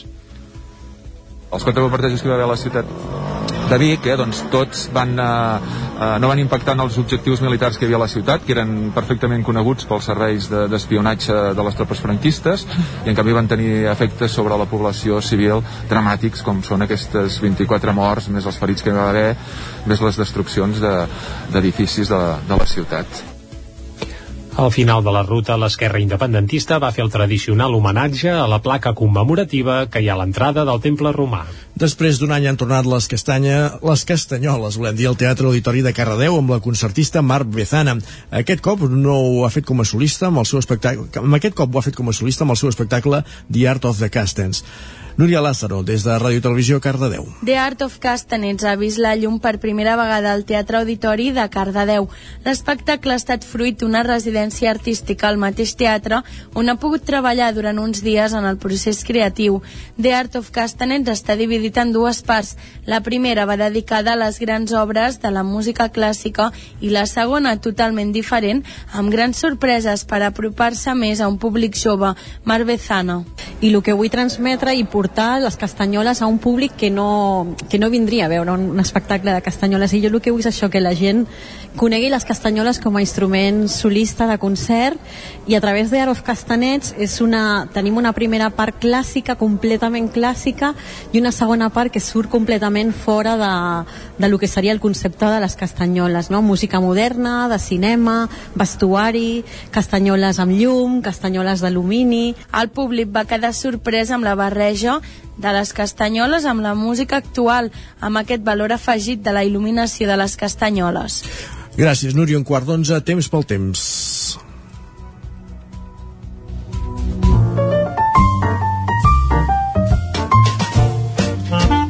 Casa Terradellos us ofereix el temps. I si és temps pel temps, vol dir que és temps per en Pep Acosta. Aquí ja saludem. Bon dia, Pep. Hola, molt bon dia. Ahir escoltava el temps I bona hora. a TVPs. Uh, fa uns dos mesos que tenim la mateixa situació. Uh, són molts dies. Però atenció, perquè veig, hi ha indicis de que aquest enorme anticicló es comença a desinflar. Mm, a desinflar i, a més, es desplaça una mica. S'està desplaçant cap a Itàlia i això ens obre la porta a petits fronts atlàntics que ens vagin creuant. He dit una cosa, eh? Petits fronts atlàntics que ens vagin creuant. No tindrem aquí la solució a la sequera ni de bon tros, ni tindrem unes pluges enormes, que tampoc seria bo, eh? Hauria de ploure, però sens dubte sense fer mal, eh, que al nostre país ja sabem que no, no, no sap ploure gaire. Doncs això, eh, es va eh, desinflant una mica eh, aquest anticicló que ha estat gran protagonista del temps la, les últimes setmanes, fins i tot els últims mesos. Però avui encara no. Avui encara molta estabilitat, les temperatures mínimes han estat eh, no molt baixes, només algunes glaçades cap als fondalades, sobretot cap a la zona d'Osona, també cap a Moianès, glaçades puntuals i no molt, molt importants ni de bon tros. Durant el dia d'avui algun núvol baix cap a la costa, eh, nosaltres cap al litoral, és on s'afectarà més, algun núvol baix, molt poca cosa, eh, però ambient molt, molt tranquil. Les temperatures màximes bastant semblants a les d'ahir o 1 o 2 graus poder més baixes. Ahir van ser unes temperatures molt, molt suaus, entre 16, 17, 18, 19 graus, i avui també més o menys els valors seran els mateixos, eh? no, no tindrem cap erupció d'aire fred i tampoc hi ha unes temperatures una mica càlides, eh? ni de bon tros, eh? seran unes temperatures molt, molt acord en l'època de l'any, eh, bastant suaus, s'estarà molt bé al migdia.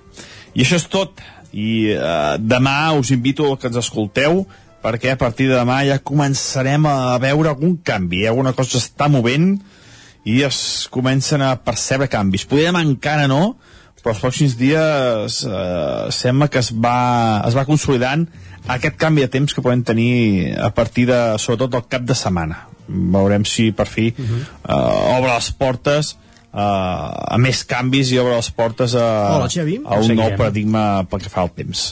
Moltes gràcies i fins demà. Bon dia. Vinga, que vagi molt bé, Pep. Fins demà. Isaac, ens quedem amb aquest missatge, eh? Venen canvis. Aviam. Ja, ja seria hora. Exacte. Doncs va, anem cap a l'entrevista. Arribats a aquest punt. Anem-hi. Casa Tarradellas us ha ofert aquest espai.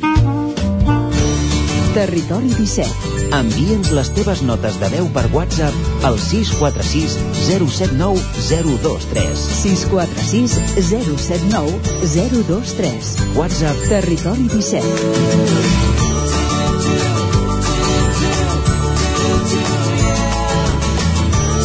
Territori 17. Som a Facebook, Twitter i Instagram amb l'usuari Territori 17.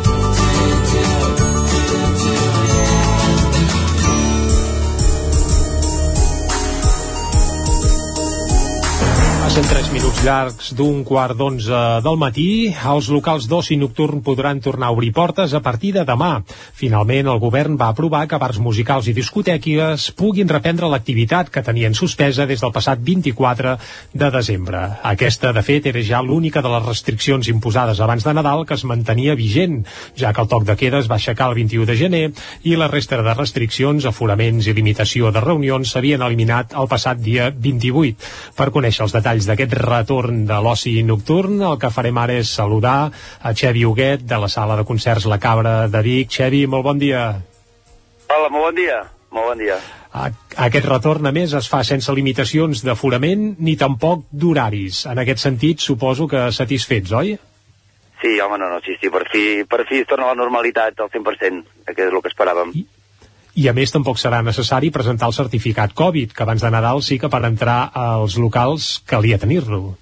Sí, al final han tret totes les mesures que, han, que hem anat tots implementant a mesura que hem anat avançant en la pandèmia i això vol dir que la cosa funciona i que va bé i que cap endavant. Uh, Xevi, aquesta vegada s'ha fet bé, perquè és evident que els darrers dos anys hi ha hagut una mica de tot, eh? però aquesta vegada diguem que us van alertar amb temps i a més a més eh, això, suposo que heu pogut preveure com obriríeu, amb quines condicions és a dir, finalment podríem dir que des del govern s'ha fet bé? Bueno, aviam, fer bé és molt, poder més complexa, no? Poder, però sí que hi ha hagut petites coses que, que no ens han ajudat, per dir-ho d'una manera. El que sí que, per exemple, el fet de que tinguem una, una, un dia d'obertura, doncs, evidentment, ens facilita la feina en quant a fer la publicitat, el màrqueting, fer la, una mica la previsió d'aquest cap de setmana, que més obrim amb dos concerts grans que teníem ja quasi bé esgotades les entrades fa temps i per tant ens va... Ho passarem, i tant que sí. Ens ha, ens ha anat bé doncs, tenir la previsió aquesta. Sí, sí, això sí, això 100%. Mm -hmm. uh, tota manera, clar, en el vostre cas, per exemple, parles dels concerts que fareu aquest cap de setmana, però a principis d'any ja en teníeu de programats, és a dir, com que durant la tardor, durant dos mesos, es va poder funcionar, vosaltres en principi no hi comptàveu en que us tornarien a tancar, oi? No, no, clar, ostres, a més a més, vens de, vens de lo que vens, obrint dos, tres mesos, eh, les mesures, l'aforament, totes les limitacions que ens han anat, que ens han anat implementant, però, clar, al gener veníem carregats de concerts, i d'ell, entre ells els Diversiones, que venien un cap de setmana divendres i dissabte, amb moltes entrades vengudes, que per sort l'hem pogut, pogut posposar. Al final, el fet és el, la, la, la feina que genera això, sense tenir cap mena de benefici, perquè al final és tornar entrades, enviar molts mails, les incidències, i això són, són moltes i moltes coses que al final no, no saps quan obriràs. Ara, de fet, és el que parlàvem amb, amb companys d'altres sales, doncs el fet de que ens hagin donat el dia 11 per obrir dues setmanes vista, doncs ens ha ajudat molt a, a no haver de posposar i a no haver de fer aquesta feina de més. Mm. Uh, patronals, ara parlaves, hem parlat amb altres companys del sector. Uh, les patronals han denunciat que el sector està arruïnat i que només a Barcelona les pèrdues a restauració i oci nocturn podrien ser d'uns 200 milions d'euros. En el vostre cas, uh, no sé com ha anat, sobretot de cara a la caixa, la situació d'aquests darrers dos anys. Aguantar deu haver sigut una heroïcitat, pràcticament. Eh? Bueno, clar, evidentment, l'empresa amb la qual treballem se sustenta per diferents... S'ha diversificat una mica l'empresa i, evidentment, tens altres sustents. Sí que el que és la sala en si, evidentment, ha generat pèrdues eh, així, de molts, de molts calés. Al final són dos anys que han deixat d'ingressar. I, a part, és aquest Nadal, justament, que hi havia moltes entrades vengudes el dia de cap d'any, el dia 5, el dia de Reis... Clar, són dies que vas perdent i vas comptant de mils en mils i que vas perdent. I cada dia que tens la sala oberta pues, genera una sèrie de gastos, llums, aigua, manteniment, escombraries... Vull dir, al final tot això s'ha continuat cobrant. I al, I al final tota petita despesa pues, suma a una llarga no, a una llarga despesa que al final ha sigut aquests dos anys, que són els lloguers de les sales, al final tot el, tot el gènere que teníem dintre la sala s'ha hagut de retornar, uh, ara ho hem de tornar-ho a fer, i que i això no suposa pèrdues, en qualsevol cas. No, no són, en el no són vostre cas, pèrdues, a més a són- més, Xevi, heu aprofitat el tancament fins i tot per fer millores en el local, és a dir que fins i tot heu invertit encara més. Sí, hem intentat fer el que és el tema de la ventilació, fer-la nova, fer un sistema d'extracció també nou, ampliar les barres per facilitar la feina als treballadors... Bueno, hem fet una sèrie de millores que, que bueno, al final són coses que s'havien de fer per, per un tema de permisos, però, bueno, sí, sí, al final és invertir diners, a part de no generar-nos, n'hem hagut d'invertir, sí, sí. I anem a les bones notícies. Va, a partir de demà es pot reobrir, a la Cabra reobrirà divendres, eh? I com bé has dit, ho fareu amb un concert d'autèntic luxe perquè visitaran la sala a Agua Bendita. Sí, vindran Agua Bendita que fan, fan la seva gira dels 30 anys, és un grup de Barcelona, fa molts anys que no toca, jo de fet tinc 34 i, i anat a molts concerts i és un dels grups que em faltava per veure i, i tenim moltes entrades vengudes, la veritat és que la, sí que està reaccionat ara aquesta última setmana, fins llavors s'havia quedat molt parada, però aquesta última setmana està, està la cosa molt activa en, en quant a vendes, o sigui que, i, el, i a més ven un, acompanyats d'un grup de Sant Hipòlit que es diuen Discòrdia, que, que bueno, també és el seu primer concert en un escenari i de ben segur doncs, que, que omplirà la sala. I dissabte teniu un altre peix gros, diguem-ne, i és que aterren els Amics de les Arts eh, a la sala, també. Eh? Sí, sí, sí, a més, eh, aquest dissabte passat ens hem trobat les detenals i és el que em comentaven, al final és el primer concert després de 3 anys que podran fer de peu. I això és, coi, és, és com que et És a dir, tornes... primer no, concert dels Amics de les Arts amb el públic d'en peus des de fa dos anys i mig. Des de fa dos anys i mig, sí, sí, tres anys em van dir, bueno, perquè de fet aquest últim de Valls encara era sentat, tot. Llavors, bueno, és com que tanques una mica el cercle. Però bueno, això almenys és el que esperem, no? Tancar el cercle, oblidar aquests dos anys que han passat i, i començar a engegar la maquinària de zero.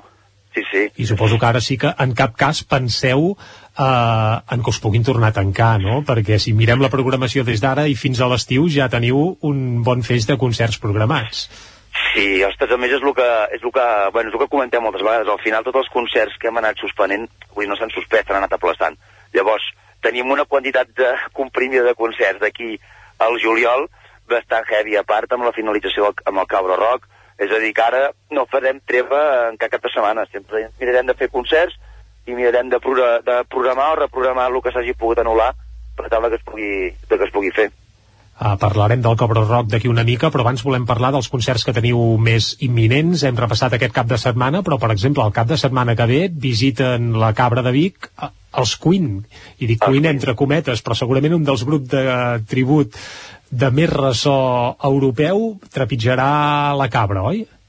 Sí, ostres, és, és un grup que ja va venir fa dos anys, la veritat és que va funcionar molt bé, jo la veritat és que no, no m'ho esperava, sí que m'ho esperava en certa manera, perquè veient, veient tot el, que, tot el que han fet la seva trajectòria t'ho pots esperar, però sí que és dels grups que m'han trucat, van trucar ells per interessar-se per venir a tocar, i bueno, l'escepticisme sempre existeix, però sí que quan van venir, o sigui, la reacció tant de la gent com d'ells al públic tot va ser, va ser molt maco, és un grup molt bo, la veritat, eh? Un grup que és, I és, és tanques molt els ulls veure. i escoltes els Queen, oi? Ostres, sí, t'ho juro que és... Bueno, clar, és que més porten el piano, porten tot. Llavors, són moltes hores de preparació, les proves de so duren 3 hores, és a dir, que hi ha una feina darrere bastant important. Uh, Xevi, fem una pausa de 3 minutets per publicitat Perfecte. i tornem i parlem del Cabró Rock. Sí? Perfecte, molt bé. Doncs Xevi, fins, fins ara. ara. no pengis, uh, Publi, i tornem de seguida per conèixer detalls del Cabró Rock aquí a El nou Territori. FM, la ràdio de casa, al 92.8. Cobertes serveis funeraris. Els nostres tanatoris estan ubicats en els nuclis urbans més poblats de la comarca d'Osona per oferir un millor servei. Tanatori de Vic, Tanatori de Manlleu, Tanatori de Centelles i Tanatori de Roda de Ter.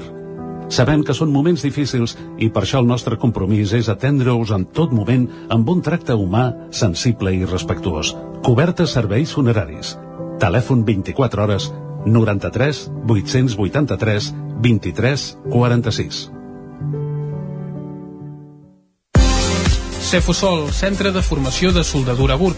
Som especialistes en processos de soldadura. Disposem d'instal·lacions totalment equipades per a classes de teòrica i pràctica amb cabines individuals i equipaments de seguretat. Assessorem empreses i oferim cursos subvencionats i bonificats. Vine i t'informarem. Cefosol, som al carrer Sant Roc, número 9 de GURB. Telèfon 664 206 192. També ens trobaràs a cefosol.com i a YouTube. Gràfics Air, el seu proveïdor global en rotulació i impressió digital. Oferim servei de disseny, producció i instal·lació de qualsevol projecte en rotulació industrial i comercial. Rètols corporis, senyalització preventiva, senyalització viària, senyalització interior de naus, vinils decoratius per a oficines i establiments comercials, retolació de vehicles... Confia en els serveis que li pot oferir Gràfics Air. Ens trobarà al carrer Lleida 39 de Vic o a graphicsAir.com. A la rostisseria El Plat ens agrada la cuina de sempre, la de les àvies i de les mares. La cuina feta amb paciència com s'ha fet tota la vida. Vine a provar els nostres canelons gruixuts o els croquetons, les nostres croquetes de 80 grams i recupera el gust del pollastre a com els que es menjaven abans. Ah, i aprofita, fins a finals de febrer, 20% de descompte en els canelons i el pollastre. Rostisseria El Plat, encàrrecs fins a les 12 del migdia i servei a domicili. Ens trobaràs de dijous a diumenge al carrer Església número 6 de Taradell o al 93 135 58 85. Anuncia't al 9FM. La màquina de casa. 9 3 8 8 9 4 9 4 9. Publicitat arroba al 9FM.cat. Anuncia't al 9FM. La publicitat més eficaç. Cocodril Club. Si t'agrada la bona música dels anys 60, 70 i 80, escolta el 9 FM els matins de dissabtes i diumenges d'11 a 1. És el temps del Cocodril Club, tot un clàssic de la ràdio, amb les bases del pop-rock, les llegendes, les cançons que s'han convertit en autèntics himnes. Recorda, dissabtes i diumenges al matí, d'11 a 1, al 9 FM 92.8. Cocodril Club, el programa revival de l'Albert Malla. Hasta luego,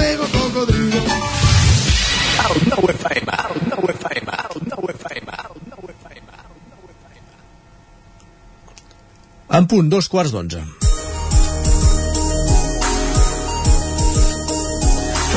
I a dos quarts d'onze en punt seguim parlant d'aquest retorn de l'oci nocturn, un retorn que es farà efectiu a partir de demà dijous a la nit i fa, abans de la publicitat n'estàvem parlant precisament amb el Xevi Huguet, responsable de la sala de concerts La Cabra de Vic. Uh, Xevi, estàvem repassant una mica la graella de concerts que teniu des d'ara fins al juny, que és quan arribarà el Cabró Rock. Avança'ns alguna altra de les propostes que passarà per la sala properament, va. Mira, per la sala eh, venen Sixtus, que vam, bueno, fan la presentació del DJ Cival. Bé, l'havíem de fer al mes de gener, malauradament Exacte. es va haver d'ajornar per temes, bé, que estàveu tancats, evidentment. Sí, i l'hem portat el 9 d'abril, cap al Setmana Santa, al Mercat del Ram. Pel Mercat del Ram, no sí. de Sixtus. Exacte, que ja normalment sempre venen sobre aquesta època, ja venien. I llavors també tenim, tenim el concert el 23 d'abril, ve en Lil Dami, ai, en Lil Dami, perdó, Buos, amb en Julen, que en Julen és aquest noi que fa versions de molts grups, eh, els imita, fa imitacions de, de molts grups. I també vindrà com a presentar i a, i a tocar Buos. De, Home, això és, és a dalt de tot, eh? Per Sant Jordi, de- Buós. Per Sant Jordi Bues, per sí, sí, no, no, no està gens malament, la veritat. I llavors més endavant, al maig, ve l'Il Dami, també. Però concerts així tenim, tenim aquests programats. En tenim molts que estan en procés, segurament eh, els acabarem d'anunciar aquesta setmana que ve. Tenim bandes tribut, Mas Manà, que és un grup de tribut de Manà que són molt bons. Fem un concert també d'un tribut de Guns N' Roses. Uh, també ve, ve Marcel i Júlia i els Coers també venen a tocar, que vindran ara al finals de març, és a dir que, bueno, la idea és que això no pari, la veritat. I fa uns dies vau fer públic el cartell sencer del Cobro Rock, que tornarà, esperem que amb la gent a peu dret, amb aforament ja molt més ampli que no pas l'any anterior, doncs el Cobro Rock al mes de juny torna, oi? Exacte. L'11 de juny, a Vic, eh, de 5 de la tarda fins a les 6 del matí, doncs tindrem el Cabró Rock a, a tope. No, no, aquest, aquest, any, aquest any la veritat és que ha sigut una animalada. L'any passat vau ser el primer gran festival que es va poder fer, però clar, recordem que amb aforament limitat i que el públic, a més a més, estava amb cadires, és a dir, va haver-hi cabró rock, però no va ser en un festival convencional, eh? Sí, no, va ser, un, a més a més, vull dir, va ser en tres, hi havia 3.000 cadires, es va fer com dos, dos passes dintre del mateix dia, va ser, va ser una mica complicat tant d'organitzar-ho com de, com de pensar-ho, perquè evidentment teníem zones, de, zones on no es podia veure, zones on no podies estar dret, zones on havies de sentar-te, el tema food trucks també ens va limitar molt, perquè fins dos dies abans no ens van dir que podíem tenir food trucks, és a dir, que malgrat totes les inconveniències, pues, va sortir un bon festival. Però aquest any tot això no passarà. Aquest any ja anem amb una previsió, ja estem treballant tant amb, amb les bandes, amb els food trucks, estem treballant amb totes les, amb tots els serveis que donarem en aquell dia, i, i jo penso que serà una gran jornada. Ostres, jo penso que serà per part de l'organització com per part de la gent que ve a disfrutar del concert, però el festival al final és un festival a la comarca d'Osona que jo penso que, que feia falta. Feia falta. I, per cert, compteu ja amb un festival a 100% prepandèmic, diguem-ne, eh? Sí, és a dir, de fet, si no hi ha res de nou, podrà ser 100% d'aforament, la gent de peu dret, la limitació horària, vull dir, al final són els tres, els tres condicionants. Allà, a partir d'ara, si més endavant fan de les mascaretes, jo entenc que no ho faran, que no farà falta, però bueno, mentre puguis estar dret i puguis ballar, que al final és el que tots volem, doncs ja, ja és un pas.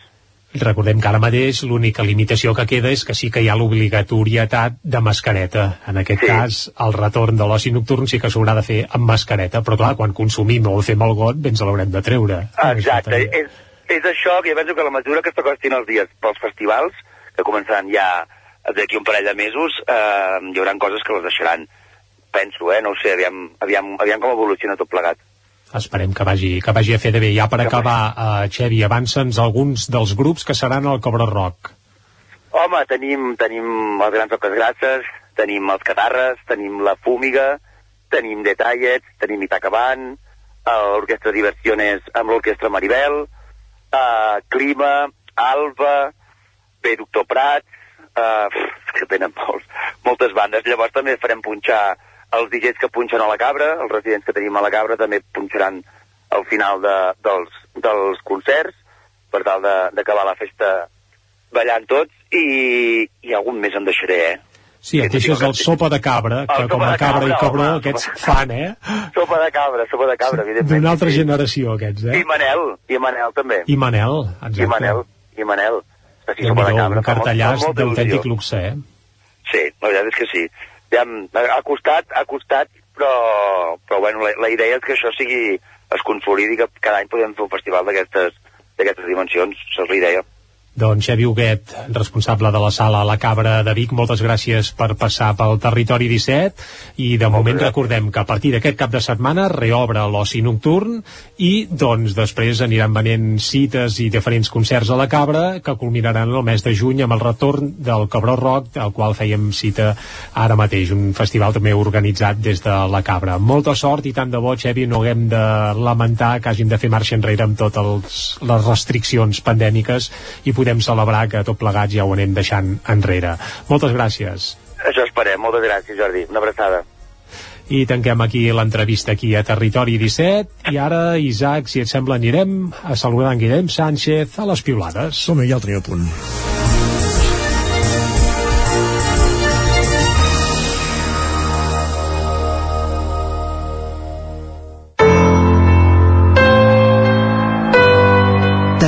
Territori, Territori 17. Territori 17.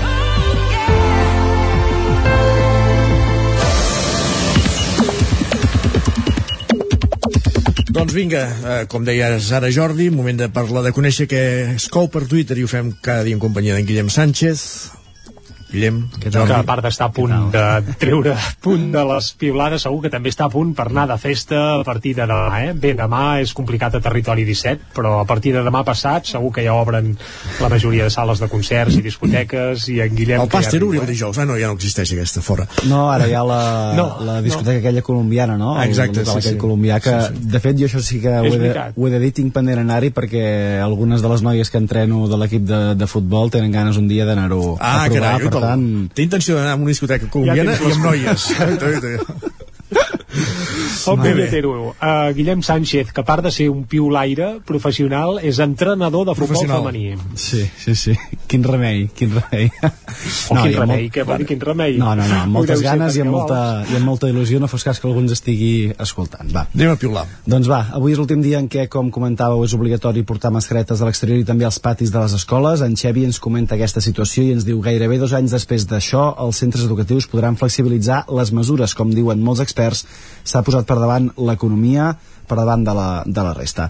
En David es fa una pregunta en relació amb les escoles que diu si la malaltia ha passat de col·lectiva a individual, sense testos ni mascaretes a fora, tenen sentit els grups bombolla? Jo crec que, de, de fet, aquests eh, pròxims dies anirem parlant d'aquestes mesures, Jordi, de com van, com van caient segurament i com tot torna una mica més a, a situacions com comentàvem sí, ara per també... cert, parlant de grups bombolla, als patis de les escoles els infants es poden barrejar, per Correcte. tant, a l'hora del pati ja no hi haurà grups bombolla, diguem-ne, tot i que evidentment es mantindran els grups bombolla dins les aules. Correcte. En Marc, amb una mica d'ironia, també ens fa un recordatori aquest dimecres. Ens escriu Bon dia i recordeu portar la mascareta als exteriors, que avui el Covid encara contagia a l'aire lliure. Demà es veu que no.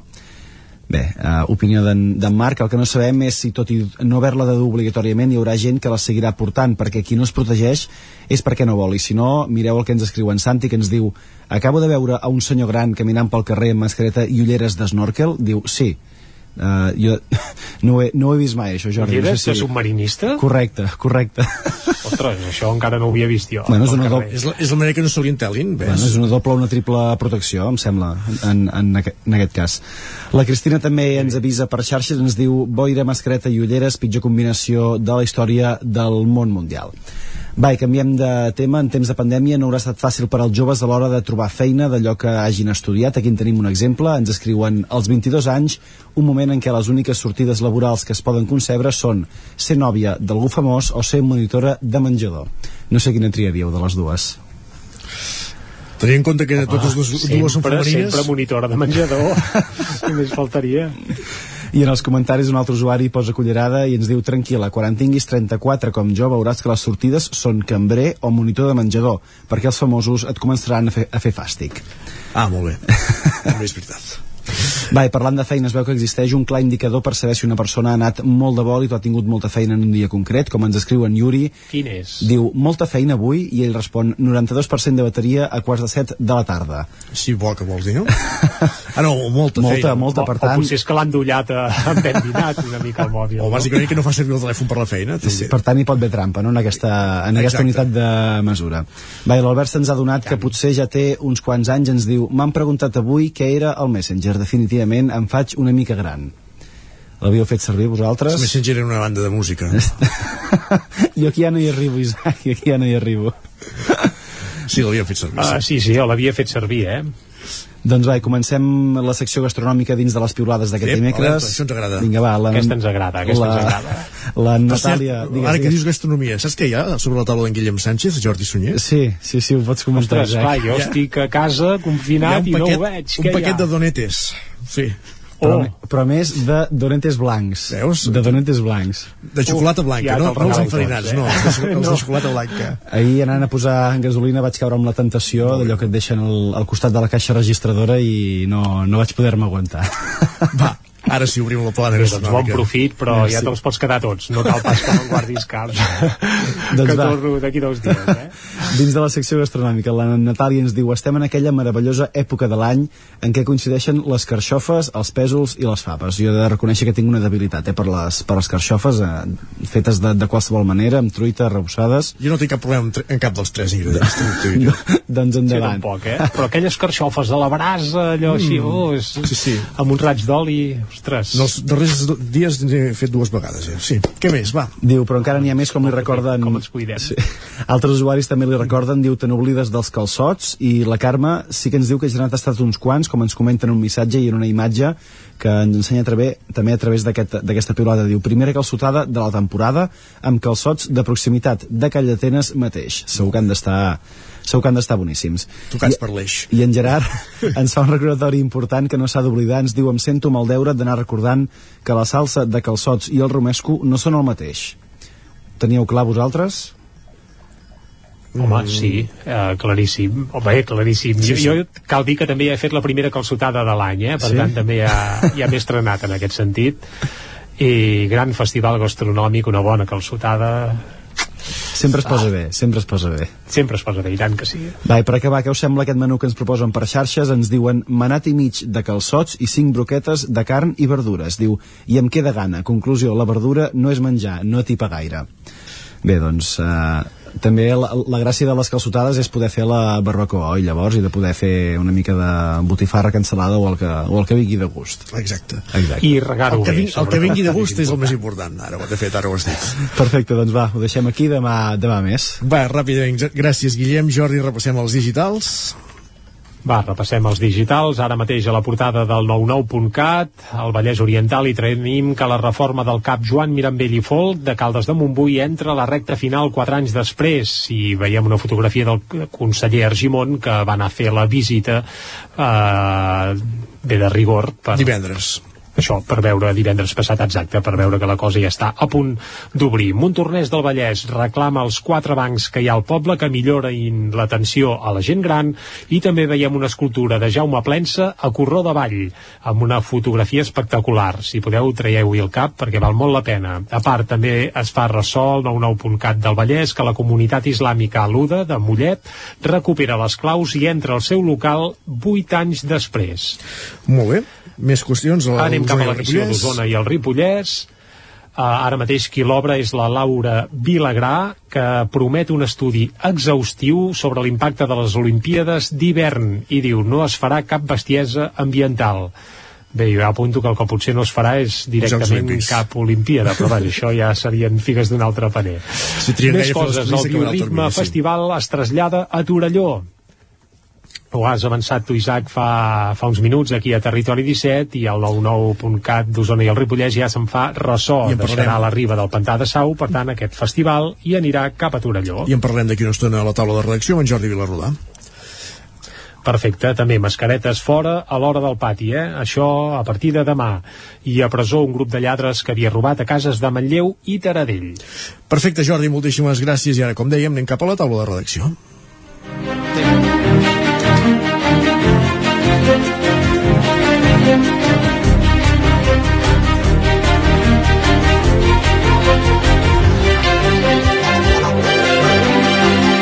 Taula de redacció, com dèiem, en companyia de Jordi Vilarrodà, però també de la Txell Vilamala. Uh, Txell, bon dia. Bon dia. Per parlar d'una notícia que pensàvem abans a les notícies de, de les 10, uh, aquesta tendència a robar catalitzadors del cotxe. Uh, entenc que no és una gesta que ha de ser fàcil, perquè el catalitzador és una cosa que es troba mm, sota el cotxe, que s'ha d'anar a buscar, etc etc etc. Però vaja, hi ha una tendència i explica'ns el, el que saps i el per què. Exacte, sí. Des de principis d'aquest any 2022 hi ha una onada de robatoris de catalitzadors a la ciutat de Vic. Els Mossos d'Esquadra eh, en van registrar tres de consecutius els dies 26, 27 i 28 de gener, però ja n'hi havia hagut també eh, la nit del 12 al 13 de gener. Com bé deies, Isaac, el catalitzador és eh, una peça que forma part del sistema del tub d'escapament, serveix per reduir les emissions contaminants dels cotxes i va buscada per part dels lladres perquè porta una esponjeta de ceràmica que està recoberta de metalls preciosos, eh, com per exemple el rodi, el platí, el paladi, que llavors eh, s'extreuen i es poden vendre. De fet, ja és habitual de fa anys que se'n sostreguin arreu de Catalunya, eh, ens explicaven des de la policia que destaca sobretot la comarca del Maresme, però sí que és veritat que les dades policials confirmen que en aquests últims 15 dies doncs, hi ha hagut aquests quatre casos a, a la ciutat de Vic. Els Mossos ens deien, a més a més, eh, que aquests són, són la, els casos, els robatoris denunciats, però que és pro probable, és molt probable que la xifra real sigui més alta perquè no tothom arriba a fer el pas d'anar a posar una denúncia a la, a la comissaria. Uh, on han tingut lloc aquests robatoris? Doncs mireu, el primer de l'any 2022, que com dèiem va ser la nit del 12 al 13 de gener, va ser en un cotxe que estava aparcat a l'aparcament públic del carrer de Joan Serrallonga, això és entre el Sucre i l'estació de tren. El dia 27 es va repetir en aquest mateix lloc, mentre que el dia abans, el 26, havia sigut als voltants de l'Hospital Universitari i l'any demà, el dia 28, al pàrquing de la Sínia. Els Mossos han, han iniciat una investigació per saber què està passant i qui, i qui pot haver al darrere, però sí que nosaltres vam fer també la consulta de lleis mecànics eh, i negocis que es dediquen al desballestament de vehicles i ells en de, ens deien que això no és cap sorpresa, que ja fa anys i sobretot mesos eh, que s'ha intensificat aquesta tendència de clients eh, que van al taller o que van a, a, a llocs de desballestament de cotxes demanant per catalitzadors després que s'hagin trobat que els l'han robat. Aquesta peça té la particularitat que el conductor pot engegar el cotxe i marxar amb el cotxe eh, sense saber exactament què passa, sense saber que li han robat. És veritat que el cotxe sí que fa més soroll, però continua en marxa. Per tant, eh, a priori ens deien que hi ha molta gent eh, que no és conscient que ha patit un robatori fins que acaba portant el cotxe al taller i li expliquen doncs, que, que algú eh, li ha sostret aquesta peça al, al catalitzador.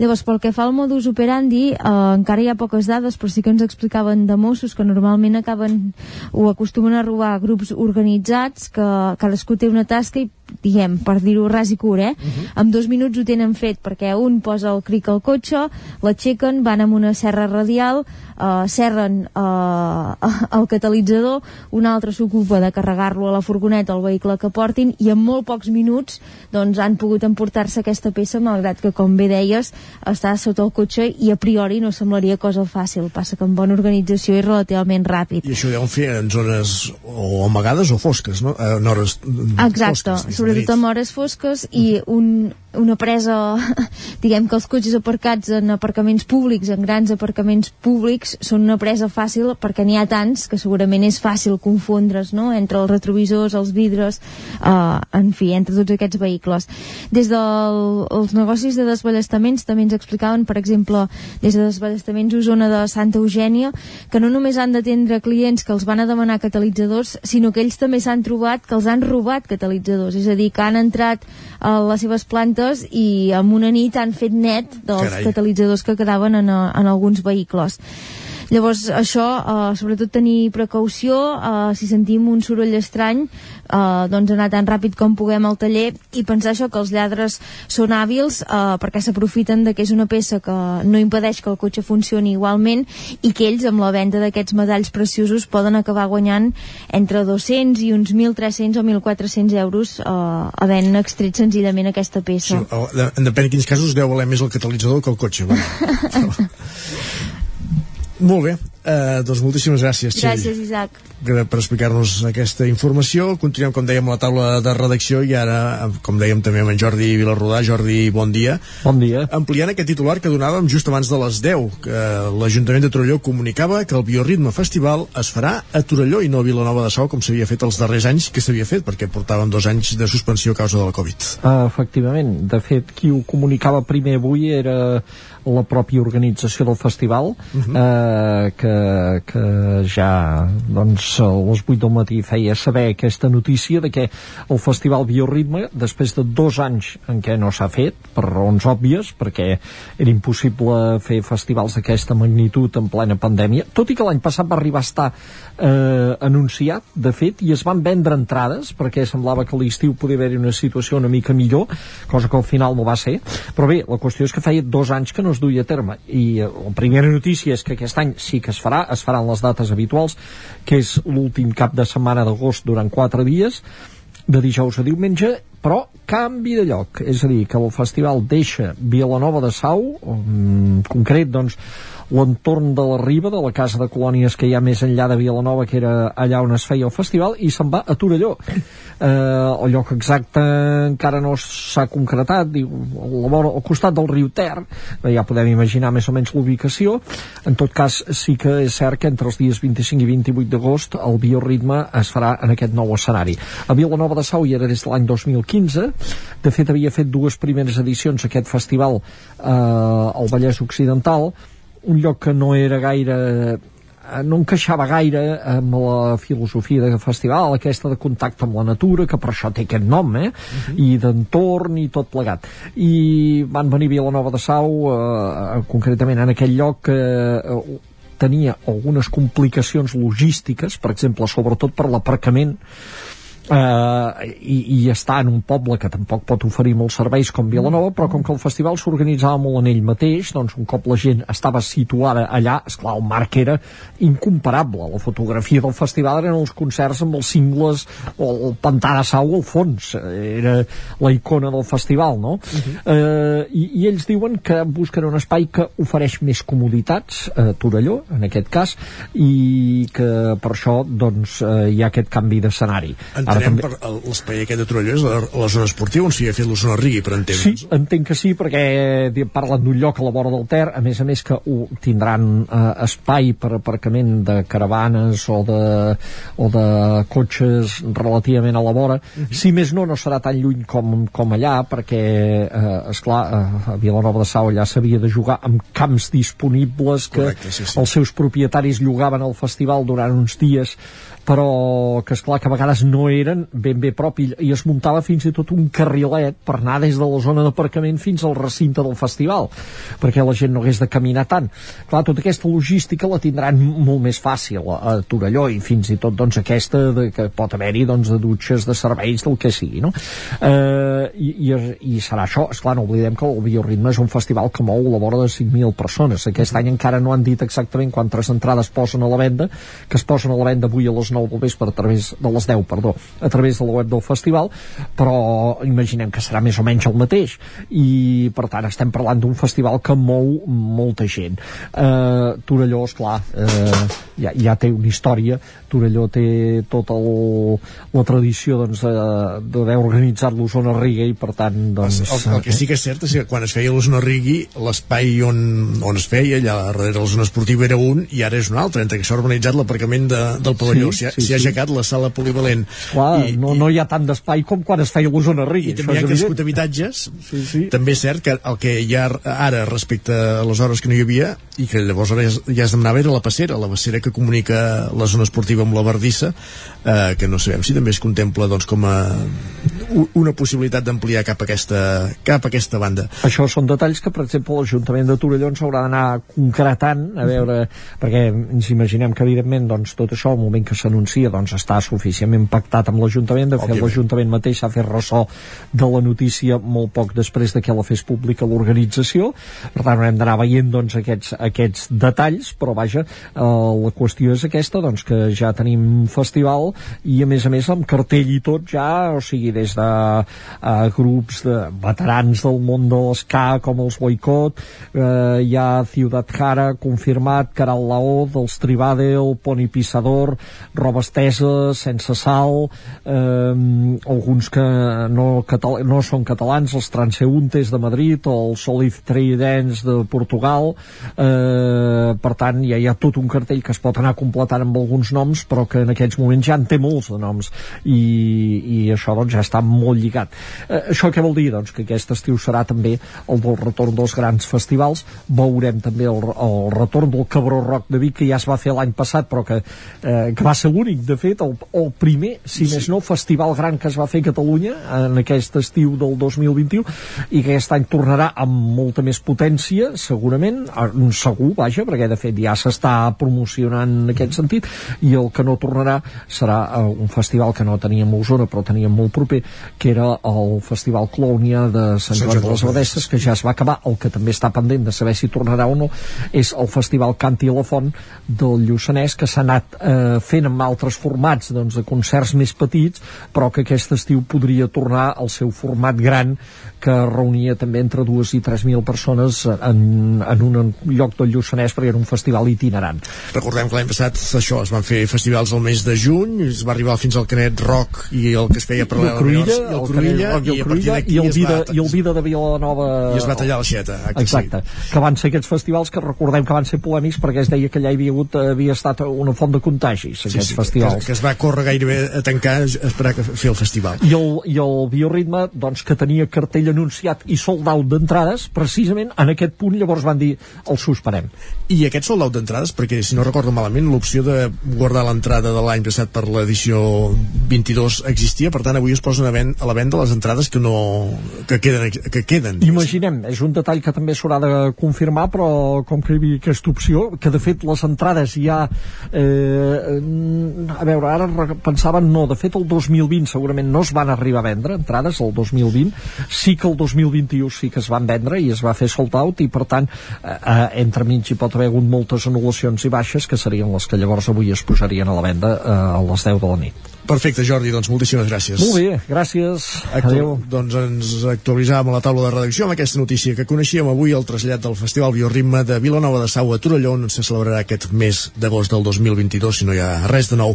I acabem la taula de redacció anant fins a Caldes de Montbui eh, des d'una codinenca tenim amb nosaltres la Caral Campàs, bon dia Caral Hola, bon dia. per aprofundir en una qüestió de la qual ja parlàvem dilluns a l'entrevista, que era el tema de, de els abocaments a, a, a la zona de, de Cararac. Entenc que hi ha, Cararec, entenc que hi ha novetats al respecte, oi? El polígon de la Borda? Eh, sí, el polígon de la Borda. O sigui, aquest és un conflicte que es va iniciar doncs, fa anys a, a la zona de Cararac, que està situada al costat de, del cementiri de Caldes. Um, un conflicte que en principi ja està resolt, ja està en via judicial, eh, no? tots aquells abocaments que hi havia hagut allà, doncs l'activitat està aturada i està en via judicial.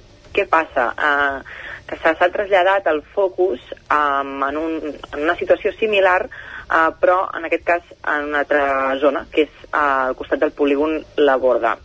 Uh, allà hi ha, hi ha dos terrenys, uh, tots dos, uh, bueno, un és propietat de GDP Recycling i l'altre de Recam Laser, i, i compten amb expedients uh, oberts uh, i estan en tràmit per irregularitats. Quines són aquestes irregularitats? Doncs aquella zona que és, sol no urbanitzable, segons uh, el POM, l'any 2017 en la primera s'hi va construir una petita nau industrial i se'n va asfaltar una part i en la segona, en el segon terreny se suposa que s'hi ha anat abocant terra i també hi van arribar a construir un petit mur de pedra. Tant la nau com el petit mur ja no hi són, aquella zona doncs, està ara mateix mm, aplanada, Uh, però bé, això és un conflicte que s'ha mediatitzat perquè tant des de l'entitat ecologista Cararac Verd, que són els que vam poder entrevistar dilluns, com des de la CUP, que van fer una roda de premsa dilluns a la tarda, acusen el govern doncs, d'inacció perquè aquests dos expedients d'aquestes dues zones de, del costat del polígon La Borda s'han anat s'han anat reobrint eh, i ha costat, no? Doncs diuen eh, des d'aquestes entitats i des d'aquest grup polític que anar, doncs, ha costat que, que, que, que es tanquessin i que s'imposessin multes. Uh, t'explico una mica, pel que fa al primer terreny, el de la nau industrial, el propietari va pagar una multa de 30.000 euros eh, aplicant un descompte del 80%. Inicialment eren 150.000 euros. La CUP acusa a l'equip de govern de, de que hagin trigat molt a entregar-los a, a, aquest, a aquests expedients, els van demanar doncs, per poder revisar-los, i, i que el propi propietari s'hagi aplicat aquest descompte sense que ningú, diuen, eh, des de la CUP, hagi comprovat si s'ha restablert eh, la zona tal com era abans, perquè és una de les condicions eh, pels quals eh, es pot aplicar aquest 80%. El regidor d'Urbanisme, Jordi Martín, justament ahir va convocar una roda de premsa després doncs, d'aquestes declaracions de la CUP per poder doncs, aclarar o rebatre la situació i va explicar doncs, que els expedients els pot veure qualsevol ciutadà i que per descomptat va dir els tècnics han comprovat que s'ha restablert el terreny d'aquesta primera zona. Uh, per tant, ens va avançar i ens va dir que preveuen que aquest expedient, després de, que s'ha fet efectiu el cobrament d'aquests 30.000 euros, quedi tancat. Uh, pel que fa al segon expedient, vinculat al terreny del costat on es van abocar terres i on hi havia aquest mur de pedra, ens va dir uh, el regidor Jordi Martín que segueix en tràmit i pel que fa a les caducitats i al fet d'haver reobert aquests dos expedients diverses vegades ho vinculen als tempos del propi tràmit i dels processos administratius. Molt bé. Doncs estarem pendents de com evoluciona també. Gràcies, Caral, per ser a la taula de redacció. A vosaltres. Bon dia. I ara que passa un minut del punt de les 11, serà moment d'actualitzar-nos al territori 17. Com dèiem ara mateix, un minut i 20 segons que passen de les 11, notícies. Territori 17, amb Isaac Moreno i Jordi Sunyer.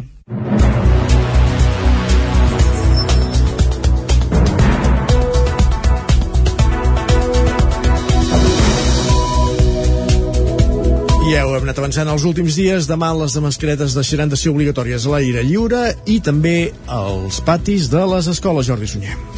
El govern va confirmar ahir que els alumnes dels centres educatius podran treure's la mascareta a l'aire lliure quan, encara que els grups es barregin. Per tant, al pati i també en sortides o excursions a l'exterior, les mascaretes ja no seran necessàries. Des de l'executiu consideren que és important per la comunicació no verbal, l'aprenentatge i la salut emocional dels infants. El govern també ha anunciat la voluntat d'eliminar la mascareta de l'interior de les aules abans que acabi aquest curs i quan la situació epidemiològica ho faci viable. Aquesta setmana setmana ja s'han deixat de fer cribratges als alumnes quan hi ha positius de Covid a les classes i aquest mes de febrer també podrien desaparèixer les quarantenes de grup que ara es fan quan hi ha 5 casos de coronavirus en una setmana o l'equivalent al 20% o més dels alumnes d'un sol grup. Aquesta mesura, però, hauria de ser comuna a tot l'Estat. Recordem també que la nit de dijous a divendres podrà reobrir l'oci nocturn i també les sales de concerts. Ho faran sense restriccions ni d'horari ni d'aforament i sense haver de sol·licitar el passaport Covid a les entrades. A l'interior, però, això sí, caldrà dur encara mascareta. Nou intent de l'Ajuntament de Vic per vendre la Casa Moreta. El consistori la torna a posar a subhasta i ho farà rebaixant-ne el preu. El primer intent va ser l'any 2013. L'equip de govern va assegurar durant l'últim ple que l'edifici no es pot adequar per fer-hi habitatge social, cosa que demanen els grups de l'oposició. Des de l'any 2013, l'Ajuntament de Vic ha posat a subhasta diverses vegades part de la Casa Moreta. Són tres habitatges, dos locals i un traster d'un edifici municipal que havia acollit pisos tutelats i un centre de dia. En els tres procediments, però, la subhasta havia quedat deserta. I en el ple que es va fer aquest dilluns es va aprovar de nou l'expedient de l'alienació i la licitació. El preu ha anat baixant. L'any 2013 se'n demanaven 900.000 euros, ara 576.000. Els tres grups de l'oposició, Esquerra, Capgirem Vic i el PSC hi van votar en contra, considerant que l'Ajuntament hauria de mantenir l'immoble en propietat i destinar-lo a habitatge social i espais per entitats. L'equip de govern de Junts per Catalunya, però, assegura que no és una bona opció. Escoltem per aquest ordre a Carla Dinarès, de Capgirem Vic, Carme Tena, del PSC, i a Núria Oms, regidora de Benestar i Família, de l'Ajuntament de Vic. Demanem, doncs, que, que frenin aquest procés, que apostin per fer polítiques d'habitatge que tendeixin a fer front a, a la crisi habitacional i que l'Ajuntament no es vengui aquests habitatges i que immediatament comencin els processos que faci falta per acondicionar-los i, i posar-los a disposició de qui ho necessiti. Una vegada més abaixem un 15% el preu d'aquests habitatges. Per cert, el PSC ha demanat reiteradament quan es va constituir el patrimoni municipal de sol i habitatge sense obtenir resposta. Són habitatges molt antics, s'ha de fer una inversió molt important i, i per tant doncs, no, no se'ns ajustarien a les necessitats que tenim no? eh, per, per temes d'habitatge. Aprofito ja la benentesa per dir-vos que properament doncs, eh, estrenarem sis habitatges d'emergència nous, set, perdoneu, set, Esquerra també va denunciar el mal estat d'alguns autobusos urbans que circulen per la ciutat. Segons la regidora d'Urbanisme, Fabiana Palmero, els vehicles que han generat queixes pel fum no formen part de la flota habitual de l'empresa Segalés. Palmero també recordava que s'està treballant en una nova concessió. Escoltem a Vicky Terri Cabres d'Esquerra i a Fabiana Palmero, regidora d'Urbanisme i Mobilitat. Nosaltres creiem que en aquest punt urgeix molt que es faci algun tipus d'actuació. I arran de les demandes que fem des de l'Ajuntament, que feu segurament vosaltres, que fan veïns i gent que no està, evidentment que no volem que aquests busos circulen per la ciutat, eh, ara estan intentant que els propers busos que facin la substitució dels vehicles avariats no siguin aquests. Vellarem per això mentre no tinguem la nova concessió. El ple també va aprovar per unanimitat una moció que hi va presentar l'equip de govern per demanar la implementació a la Catalunya Central d'un servei de salut itinerant per a persones trans. I més qüestions. Xavier Baraut, alcalde de Santa Maria d'Oló, serà l'únic representant del Moianès al Consell de Governs Locals, proposat des del grup d'Esquerra Republicana. Caral Campàs, des d'Ona Codinenca. Aquest organisme creat l'any 2011 té com a finalitat estrenya les relacions entre el món local i les diferents institucions catalanes, com el Parlament i els diferents departaments de la Generalitat. Xavi Baraut és l'alcalde de Santa Maria d'Oló. És un, el, el Consell de Governs Locals és, és un òrgan que representa els municipis de, de Catalunya, bàsicament per per, per poder tenir um, bueno, el contacte amb la Generalitat i poder, poder explicar directament uh, els problemes que, que poden sorgir de, de diferents municipis. El Consell de Governs Locals va ser creat el 2011, però només va estar actiu una legislatura. El 2015 no va ser tornat a activar després que acabés el primer mandat d'aquest organisme. L'alcalde d'Oló explicava que l'objectiu d'aquest mandat és tornar a reactivar el Consell abans de les pròximes eleccions municipals. On està molt ambivalent i això va, va funcionar el 2011 o 15, si no vaig errat, llavors va quedar parat.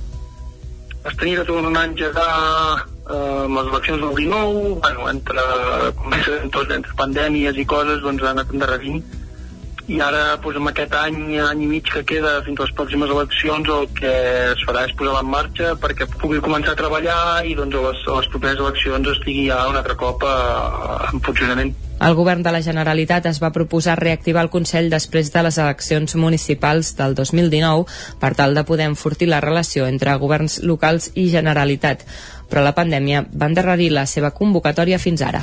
I la Fundació MAP finalitza un projecte per fomentar les eines TIC i evitar l'aïllament digital dels usuaris amb gairebé una vuitantena de persones beneficiades.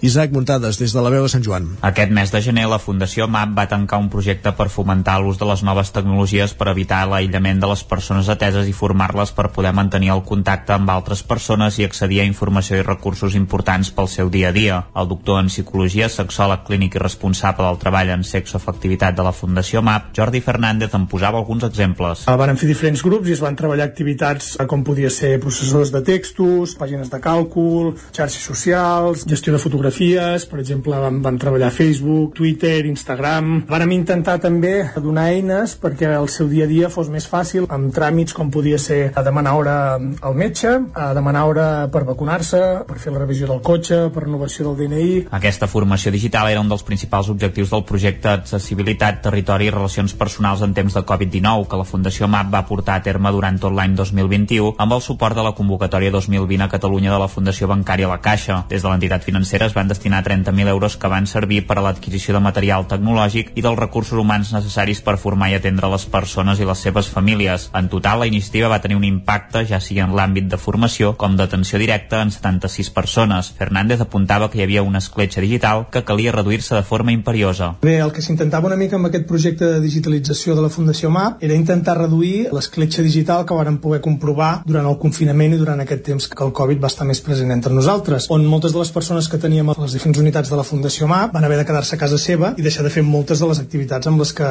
teníem planificades amb ells i que els hi donaven autonomia i capacitats pel seu dia a dia. Varen veure que aquesta escletxa digital realment era molt present entre nosaltres i varen decidir implementar un seguit d'activitats formatives de caire més informàtic o de noves tecnologies per intentar reduir i acostar més aquesta població al, al dia a dia de les activitats que realitzàvem. Evidentment, les persones ateses amb especials dificultats no podien accedir a l'entorn digital amb les mateixes oportunitats per una manca de coneixement. Primer es va fer una primera fase de detecció de les necessitats d'equipament tecnològic, de connectivitat i de formació, i en segon lloc la Fundació MAP ja va engegar aquests tallers de digitalització amb sessions grupals. En el marc del projecte també es va treballar l'arrelament al voltant de la persona atesa a través de la participació en activitats i recursos humans comunitaris per establir i enfortir vincles amb persones properes, com és el cas del grup diurn que es va posar en marxa a la vall de Camprodon. Es calcula que a Europa un de cada cinc infants i adolescents és víctima de violència sexual, un tipus d'abús que té conseqüències emocionals i socials a curt i llarg termini per les víctimes. Per fer-hi front, Canovelles compta amb un diagnòstic sobre l'abordatge de l'abús sexual infantil elaborat per Save the Children,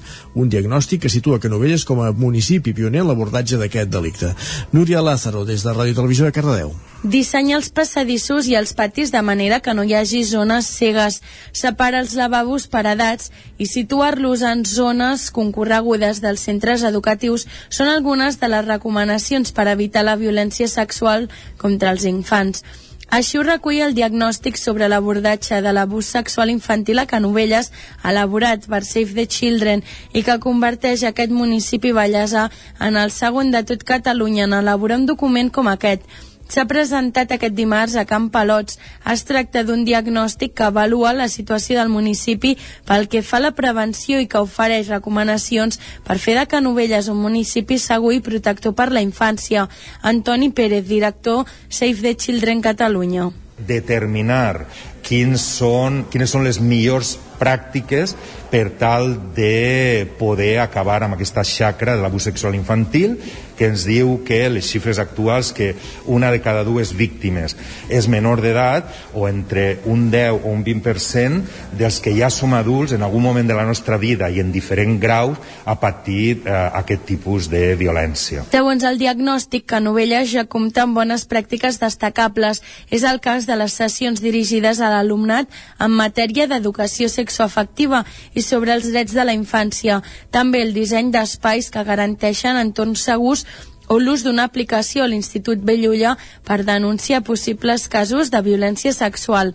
En aquest sentit, el document proposa difondre indicadors clars i senzills per a la detecció precoç i formar els professionals que treballen en infants i adolescents amb un protocol que eviti la revictimació. L'esquerra independentista de Vic ha organitzat un any més l'acte d'homenatge a les víctimes dels bombardejos aèrics que la ciutat va patir durant la Guerra Civil Espanyola. L'historiador biguetà Josep Casanovas anava al capdavant de la ruta que va finalitzar la placa commemorativa que hi ha al Temple Romà i van participar una cinquantena de persones. Al capdavall del carrer Torres i Bages, molt a prop de l'antiga fàbrica de la Sibèria, i arrencava diumenge l'homenatge a les víctimes dels bombardejos aeris que Vic va patir durant la Guerra Civil Espanyola. En aquest punt hi va tenir lloc el primer dels quatre atacs. Va ser el 21 de desembre de 1938 i va ser el més mortífer. Nou persones, una de les quals menor d'edat, hi van perdre la vida.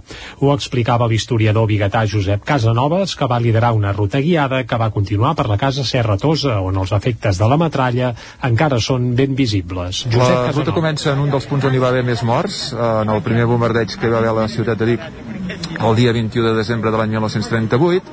Després passa per una de, de, dels punts, per la casa Serratosa, on encara hi ha els eh, vestigis de la metralla que va impactar a la, a la façana de la, de la casa. Després ens aturarem al principi del passeig per explicar els refugis que, que es van construir durant la guerra i eh, acabarem, eh, acabarem eh, davant del temple romà, que és el lloc on es fa l'homenatge a les víctimes.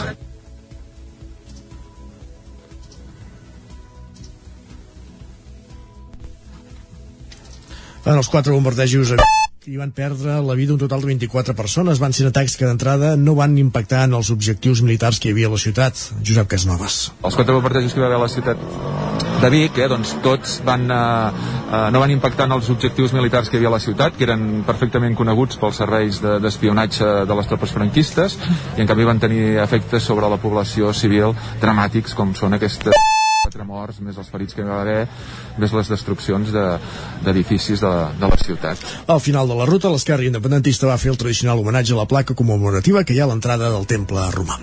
Un minut perquè sigui un quart de dotze, en aquest moment, punt acabem el relat informatiu i anirem cap al territori sostenible amb Jordi Givert, un relat informatiu que han fet a companyia de Jordi Sunyer, Isaac Muntades, Caral Campàs i Núria Lázaro. Continua el territori 17.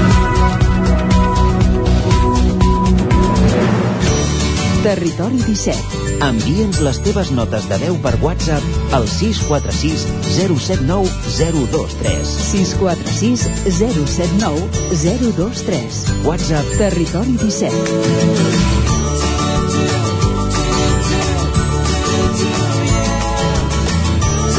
Territori 17. Som a Facebook, Twitter i Instagram amb l'usuari Territori 17.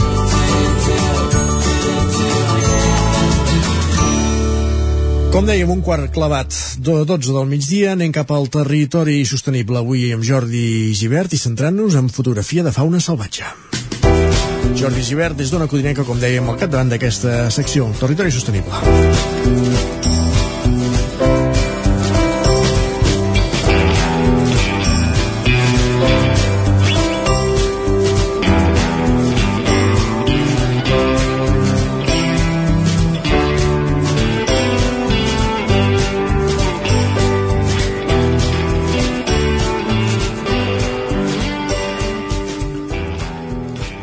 Al territori sostenible solem parlar de projectes, ja sigui d'agricultura, solem parlar també de projectes de sostenibilitat, de consum energètic. Avui el que volem fer parlar és del nostre medi natural que ens envolta i ho farem amb l'Àngel Solà. Ell és un fotògraf del Moianès que es dedica a, a fotografiar fauna salvatge i que ha estrenat una exposició recentment i per això volem aprofitar per conèixer una mica uh, com és la fauna del, del nostre territori. Uh, hola Àngel, bon dia. Hola, bon dia. Àngel, uh, primer, uh, per, per començar, uh, explica'ns com, com acaba sent, uh, diguéssim, uh, fotògraf de, de fauna. D'on et ve aquest, uh, aquest contacte amb el món animal?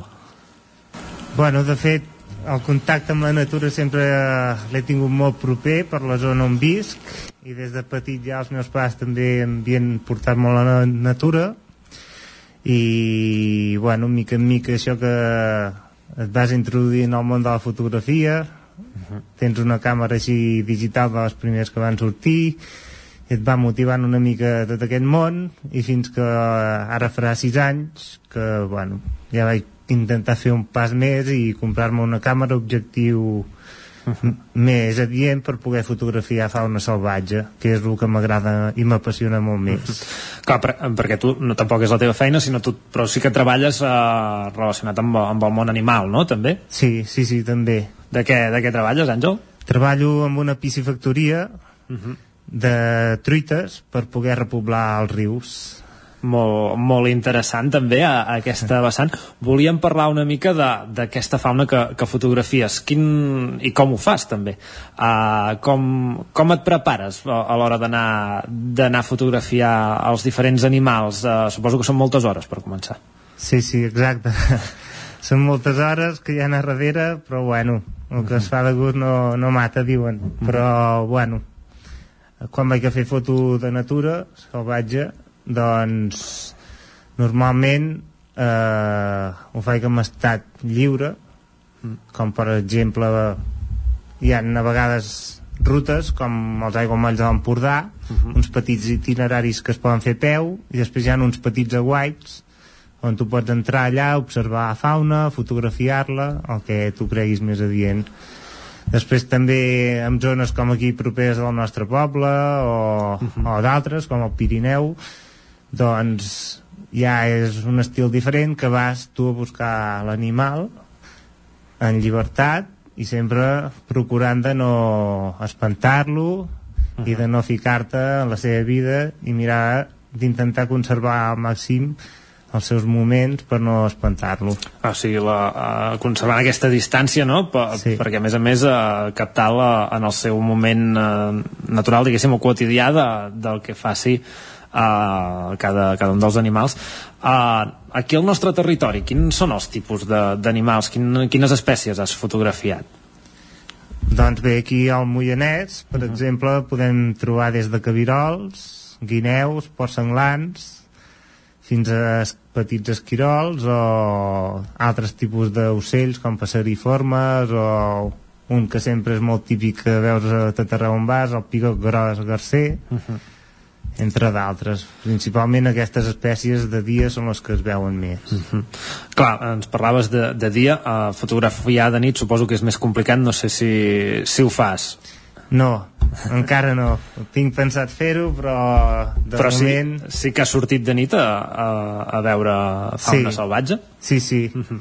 De fet, l'any passat vaig tenir una bona experiència on, bueno, em vaig trobar que en un camp hi havia com un ocell nocturn i allò que portava el lot i de casualitat la càmera al cotxe i ostres allò que el vaig enfocar de prop i vaig veure que era una becada que és un ocell migratori que ara a l'hivern està aquí i de fet allà amb el llum del frontal i la càmera allò bastant propera vaig poder fer bueno, les primeres sensacions de foto nocturna podríem dir.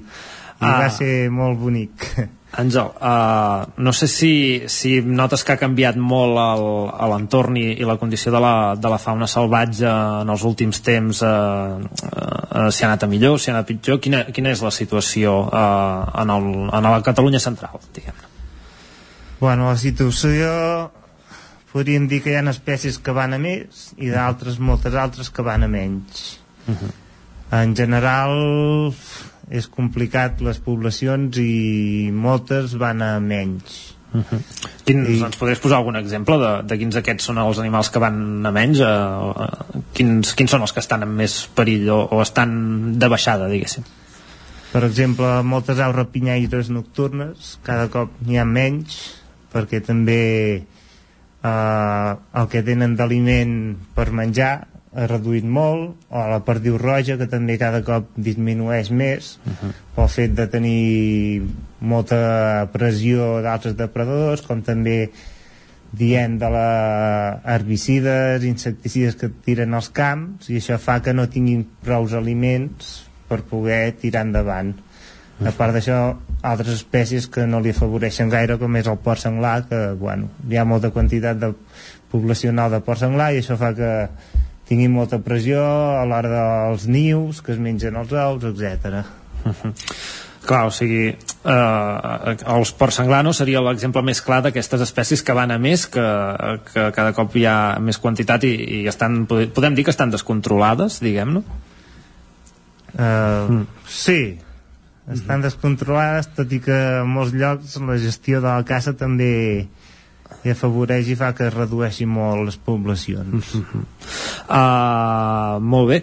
Uh, sobre, sobre la fotografia és que ara comences a, a fer exposicions, Àngel, quin, quins són els... Uh, quina foto et quedaries? Quins són els animals que, que veurem més o si tens algun animal predilecte a l'hora de, de fer les fotografies? Bueno, una que m'agrada molt és la del trencalòs que és un ocell molt especial uh -huh. i a més a més és un, bueno, una espècie en què ha estat amb unes poblacions bastant en perill però ara fa un petit augment que va augmentar les poblacions però uh -huh. és un ocell que el seu volar ja ho veus i ho diu tot perquè és com majestuós uh -huh. i sempre és l'últim d'arribar diem a la carronya i, i bueno és bonic veure'l. Uh, a l'hora de, de, de fer aquestes uh, fotografies uh, us prepareu el, alguna cosa per fer venir, a, per exemple, a les aus? Que em sembla que és el, el, el tipus d'animal més complicat de, de fotografiar. Uh, teniu alguna estratègia per fer-los venir d'alguna manera? O, o no? O, sem o simplement has d'estar allà tenint molta paciència? Sí, sí Normalment això espècies que són protegides uh -huh. es fan des de uns hides, per exemple, que són com unes casetes així camuflades, amb uns vidres espies que ells no poden notar la teva presència i tu de dins sí, i allà se'ls hi fica menjar i així atreus aquestes espècies. Uh -huh. A través d'això també és una ajuda per la població com per exemple el trencalòs perquè si té alimentació fàcil ell el que farà és agafar el menjar per ell i a més a més en època de poll s'emportarà uh -huh. uns quants ossos pels polls i sempre tindràs un seguro no? perquè aquell poll pugui tirar endavant són part d'aquestes estratègies no? de, de conservació i d'aquestes espècies en perill eh, i, i aprofiteu no? que, que s'han de fer aquests, aquestes estratègies per ajudar-los diguem-ne eh, per fotografiar-los a la vegada Exacte. Uh -huh. I a darrere hi ha un gran treball també de gent científica, d'altres agrupacions ja específiques d'aquestes espècies en perills, on a part de fer fotografia i observar aquests, aquestes aus, per exemple, doncs també es fan com un control de poblacions de diferents individus que et poden veure, a venir a veure, perdó, etc. Doncs uh, molt interessant, Àngel. Uh, anirem seguint uh, aquestes exposicions de fotografies que fas. On et podem veure ara? Uh, ara mateix tinc l'exposició uh, a la volta de Navàs, uh -huh. Artístic Galeria, i allà la trobareu ara al mes de febrer i el pròxim mes de març. Molt bé, doncs, Àngel, moltes gràcies per explicar-nos una mica aquesta, aquesta afició, aquest treball artístic que, que fas amb la fotografia i, i la natura aquí al nostre territori. Moltes gràcies. Doncs nosaltres tornem la setmana que ve aquí al Territori Sostenible parlant de més històries eh, de les nostres comarques i els nostres pobles. Us deixem amb els companys d'informatius. Perfecte, Jordi. Moltíssimes gràcies per una nova edició d'aquest Territori Sostenible. Avui endinsant-nos en l'apassionant món de la fotografia, l'apassionant món de la fotografia de natura i en aquest cas, en aquest cas, en la fotografia de, de fauna salvatge una fauna que en algun aspecte doncs, cada cop, pel que escoltàvem d'aquest testimoni, costa més de retratar sobretot en pel que fa a les aus amb el territori sostenible arribarem a la darrera pausa publicitària del territori 17 d'avui. Farem 3 minuts de pausa i tornarem de seguida amb la traca final del programa. Passarem per l'R3 com cada dia amb l'Isaac Muntades per conèixer les cròniques dels usuaris d'aquest matí de dimecres 9 de febrer de l'any 22, del 2022 i acabarem el programa doncs, en connexió, en roda informativa amb totes les emissores del Territori 17 per conèixer l'agenda cultural dels propers dies a les nostres comarques, a les diferents comarques del Territori 17. Tot en un matí en què hem parlat també de la reobertura de l'oci nocturn a partir de demà i ho hem fet amb un dels responsables de la sala La Cabra de Vic, que ja té concerts programats per aquest cap de setmana i també hem repassat diversos aspectes d'actualitat a la taula de redacció, així com hem aprofundit amb les notícies més destacades del nostre Territori 17. Però com dèiem, això continua, passant tot seguit per l'R3 i a l'agenda cultural. 3 minuts i tornem. El nou FM, la ràdio de casa, al 92.8. Del 8 al 13 de febrer arriba el 24è Cau de Bruixes de Centelles, una festa per tots els públics que gira al voltant de la tradició de les bruixes, l'esoterisme o la màgia, amb espectacles al carrer, un mercat màgic, conferències, música i tallers. Vine a descobrir qui és la nova bruixa de l'any al Cau de Bruixes de Centelles. Més informació a centelles.cat barra Cau de Bruixes. A Catalunya volem un servei sanitari més fort. Per això fem una inversió en sanitat pública de 5.000 milions d'euros addicionals els propers 5 anys. És l'hora que entre tothom fem la Catalunya que volem. Fem-ho bé, fem-ho tot, fem-ho possible. Generalitat de Catalunya. Mmm, fa que no menges pluma ibèrica de Salamanca i xuletilles de lechal a la brasa amb una bona amanida? Oh, i un xuletón de vedella gallega? O lechazo de Castilla al forn? Ah, i botillo del Bierzo amb cachelos i col? Ei, i cochinillo a l'estil de Segòvia, i tot acompanyat d'un bon celler. Oh, i uns bons serranitos de pollastre, de llom, d'hamburguesa, del que tu vulguis. Per menjar la millor cuina de Lleó sense moure't de casa, vine a El Racó de León. Fem cuina tradicional lleonesa i de mercat. Vine amb la família, amb els amics, amb la parella o sol. T'encantarà. El racó de León. Som al carrer Torelló 35 de Vic. Reserves 93 889 1950. Tanquem els dimarts. El racó de León. Vine a tastar una cuina diferent. A la rostisseria El Plat ens agrada la cuina de sempre, la de les àvies i de les mares, la cuina feta amb paciència com s'ha fet tota la vida. Vine a provar els nostres canelons gruixuts o els croquetons, les nostres croquetes de 80 grams, i recupera el gust del pollastre las com els que es menjaven abans. Ah, i aprofita, fins a finals de febrer, 20% de descompte en els canelons i el pollastre. Rostisseria El Plat, encàrrecs fins a les 12 del migdia i servei a domicili.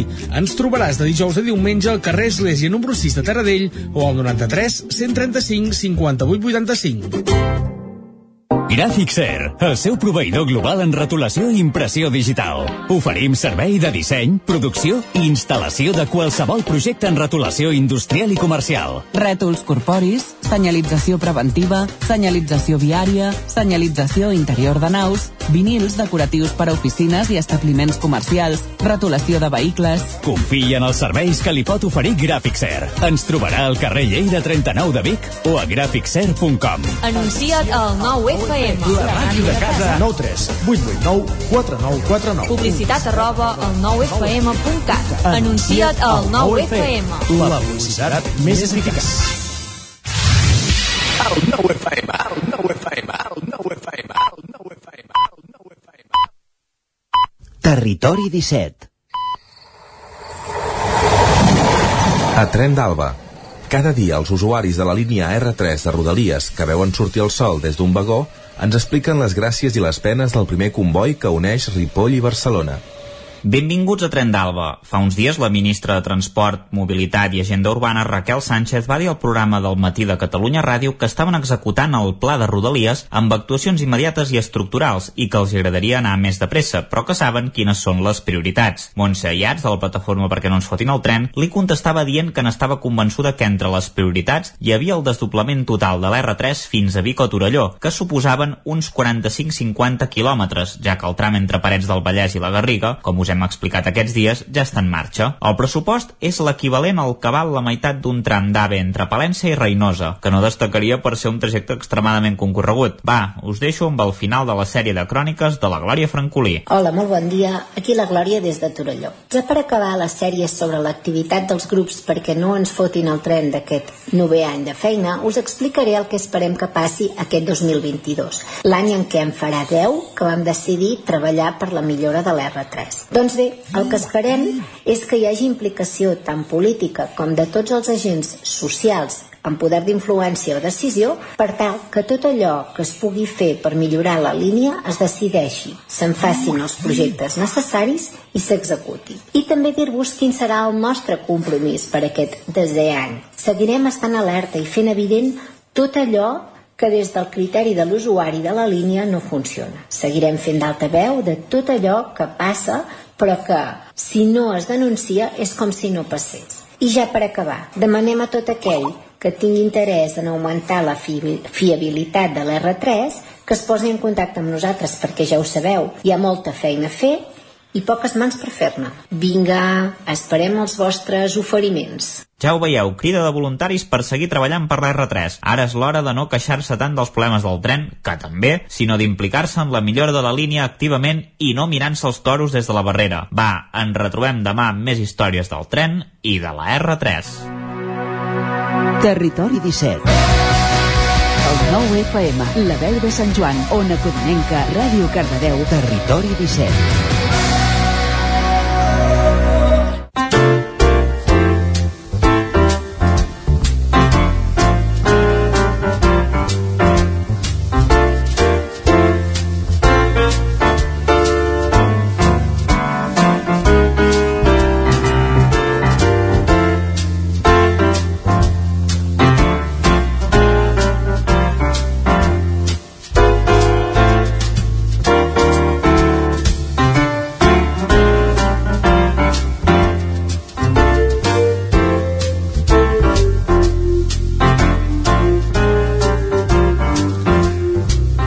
minuts que passen de dos quarts de dotze al territori 17 i ens endinsem a conèixer l'activitat cultural del cap de setmana. I ho fem com cada setmana recorrent les emissores del territori 17 per conèixer els actes programats a cada comarca. I comencem aquest recorregut als estudis de Ràdio Televisió Cardedeu amb l'Òscar Muñoz. Bon dia, Òscar.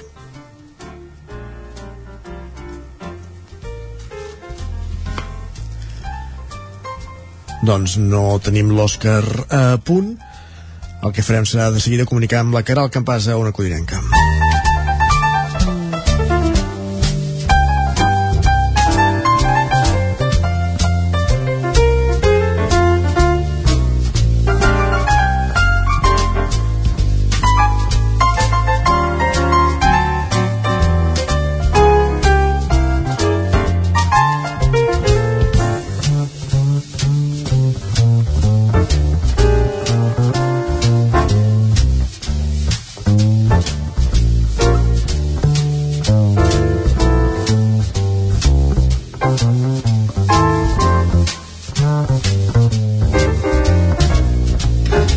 Doncs com deia, anem a saber quins són els actes més destacats a l'entorn d'Ona Codinenca, Sant Feliu de Codines, Caldes de Montbui, Vigues i Riells, el Moianès, Caral Campàs, bon dia.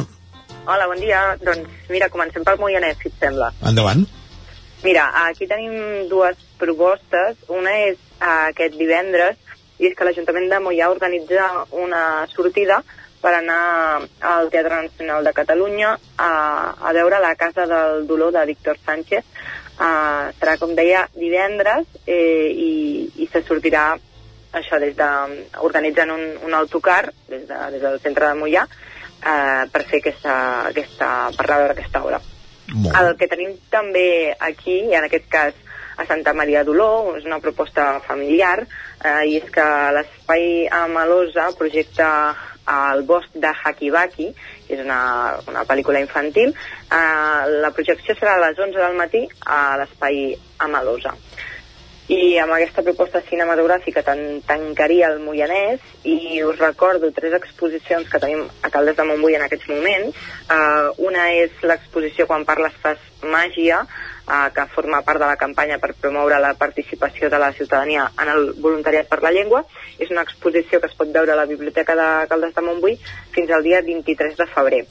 L'altra és l'exposició eh, Quan s'enduen al país, l'espoli franquista dels Ateneus de Catalunya. Es pot veure fins al dia 20 de febrer aquesta i és, eh, està muntada al Centre Democràtic i Progressista.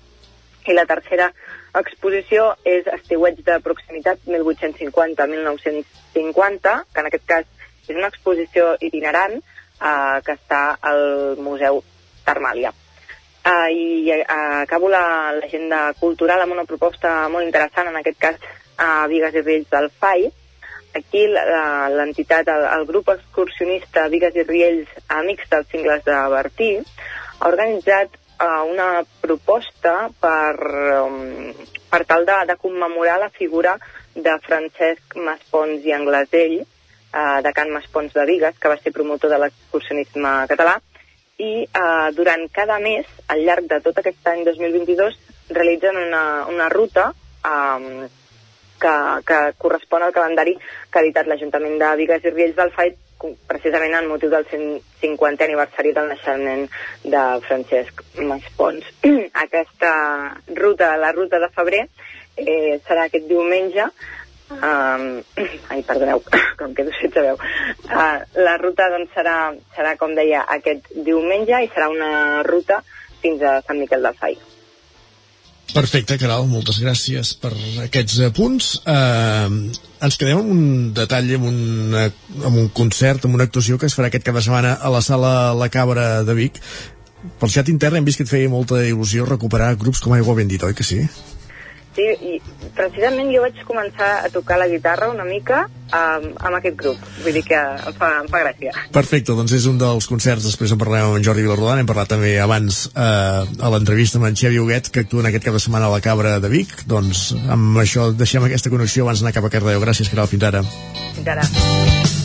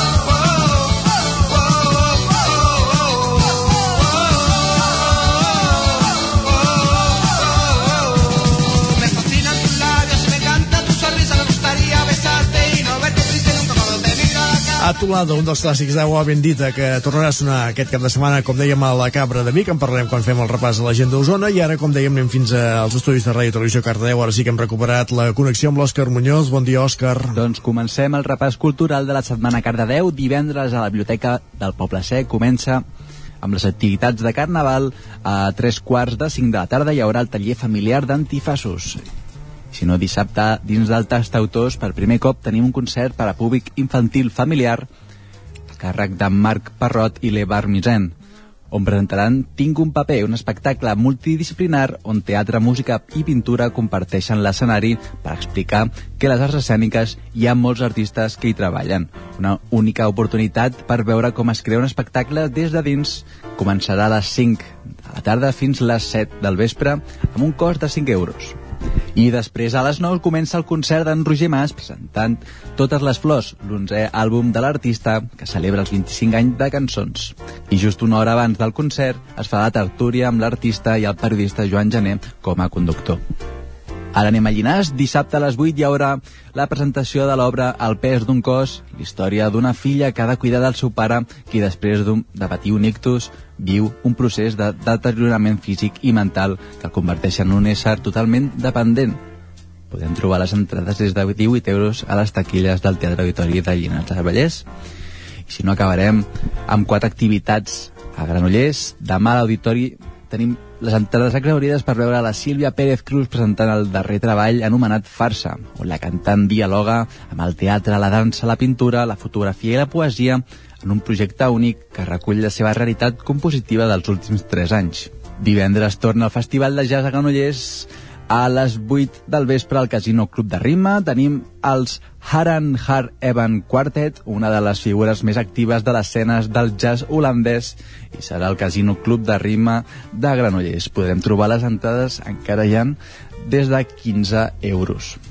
I acabem amb dues activitats al Teatre Auditori de Granollers. A les 8 del vespre tenim Frames Percussions, un dels grups de percussió més importants i arriscat dels últims anys i diumenge acabaríem amb Coxley, un espectacle d'acrobàcies aèries, teatre gestual i grans dosis de màgia i humor. També el tenim al Teatre Auditori de Granollers, un espectacle per tots els públics que el podrem trobar a les entrades des de 15 euros o si són menors de 16 anys les podem trobar des de 8 euros. Gràcies, Òscar. Seria aquest repàs cultural per la zona del Vallès que ens toca.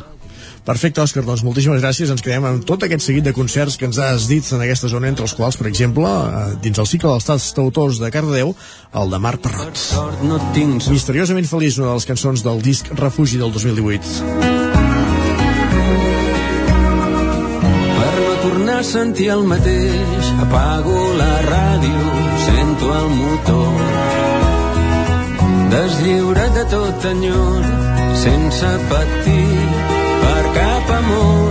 ni per cap record misteriosament feliç com deia el poeta desterrat del paradís. Misteriosament feliç ningú no m'espera no tinc res de què fugir. Misteriosament feliç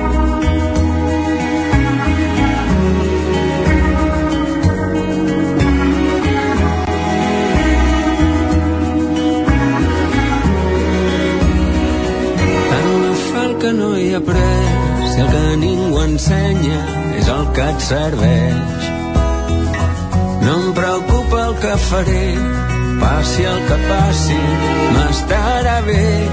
No espero res, misteriosament feliç, com deia el poeta, desterrat del paradís. Misteriosament feliç,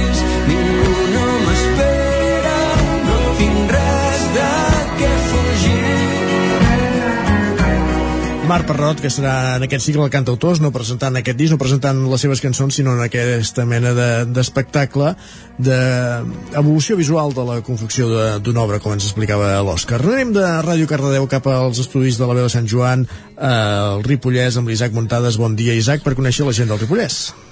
Bon dia, doncs uh, sí, mireu, uh, primer de tot dir-vos que ja fa uns dies que es coneixen les bases del 12è certamen literari Joan Maragall, que com sabeu està convocat per la regidoria d'aquí d'ensenyament de, de l'Ajuntament de Sant Joan de les Abadeses i també per l'Institut Escola eh, Mestre Andreu i com en les anteriors edicions el certamen té dos vessants. D'una banda, la cita continua apostant per fomentar i reconèixer l'escriptura en català en l'alumnat de l'escola de, de Sant Joan i per l'altra la categoria d'adults està oberta a qualsevol persona que sigui major d'edat i es premien doncs, obres escrites en català, en prosa o poesia de qualsevol temàtica.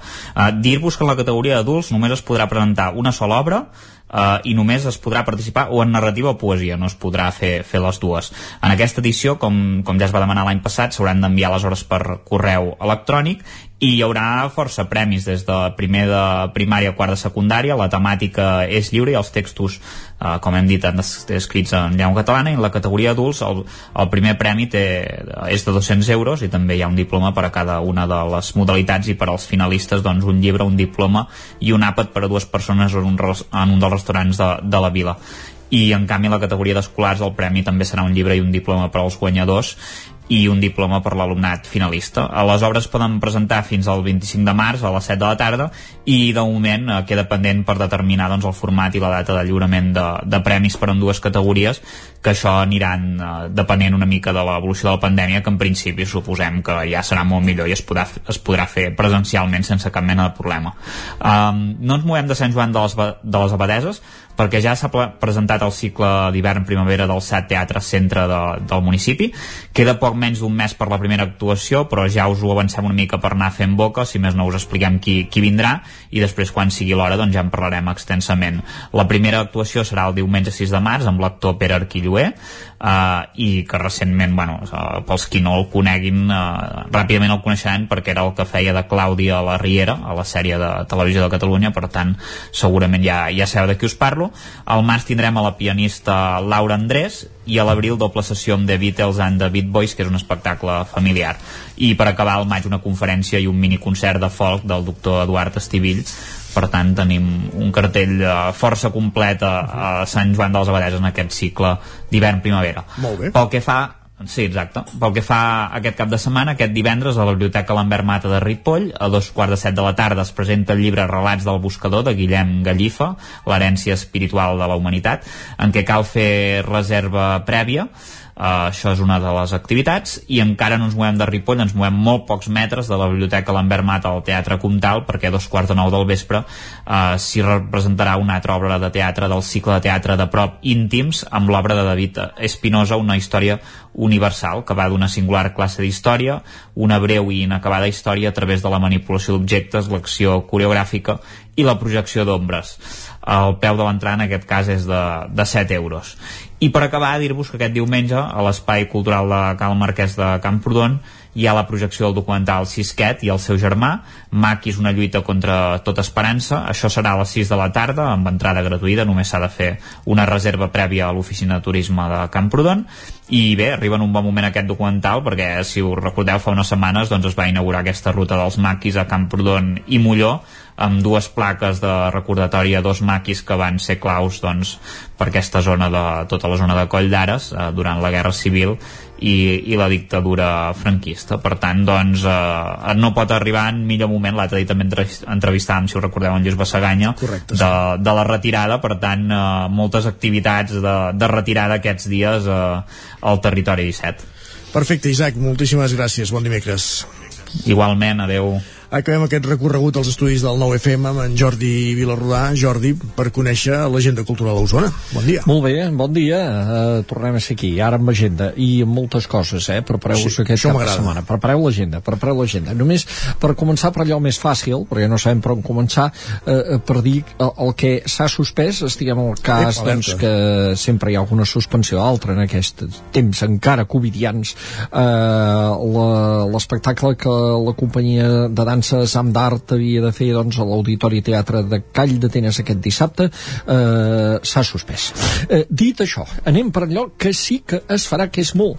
Eh, per exemple, comencem, ho farem per ordre cronològic, doncs eh, començarem pel divendres, que Amics de la Música de Manlleu comença la nova temporada de concerts d'aquest any i comença amb un concert molt interessant, que és a càrrec de la jove Capella Reial de Catalunya, dirigida per en Lluís Vilamajor, director que, a més a més, ara fa un temps que està afincat aquí a Osona, que viu al Brull. Eh, la jove Capella Reial de Catalunya és la pedrera, diguem, de la Capella Reial de Catalunya que va crear en Jordi Savall, d'aquí és on surten, eh, és on es formen els joves ja actuant i amb un gran nivell, a més a més, que després doncs, passen a integrar la Capella Reial. Interpretaran només una obra, una obra eh, important del primer barroc, del barroc primerenc del segle XVII. Eh, es diu Membra Jesu Nostri, és eh, del compositor, del compositor danès, Dietrich Buxtehude, eh, si, si, ho, si ho diem bé, més o menys, encara que el cognom és molt alemany, són set cantates, cada una dedicada a una part del cos de Jesús a la creu, els peus, els genolls, les mans, el pit, el cor, etc. Eh, i, I és una obra realment mm, representativa d'aquest d'aquest moment en què la música ja evolucionava doncs, cap, al, cap al barroc. Eh, el concert serà al Teatre Municipal de Manlleu, és a dir, al Teatre Centre, al carrer del Pont, a les 9 del vespre d'aquest divendres. Eh, ens n'anem a altres propostes. Per exemple, a l'Atlàntida. A l'Atlàntida teníem les impossibles. Les impossibles són les dues germanes Peia, és a dir, la Clara Peia i l'Ariadna Peia, que en aquest cas, amb altra gent, presenten un espectacle que es diu FAM.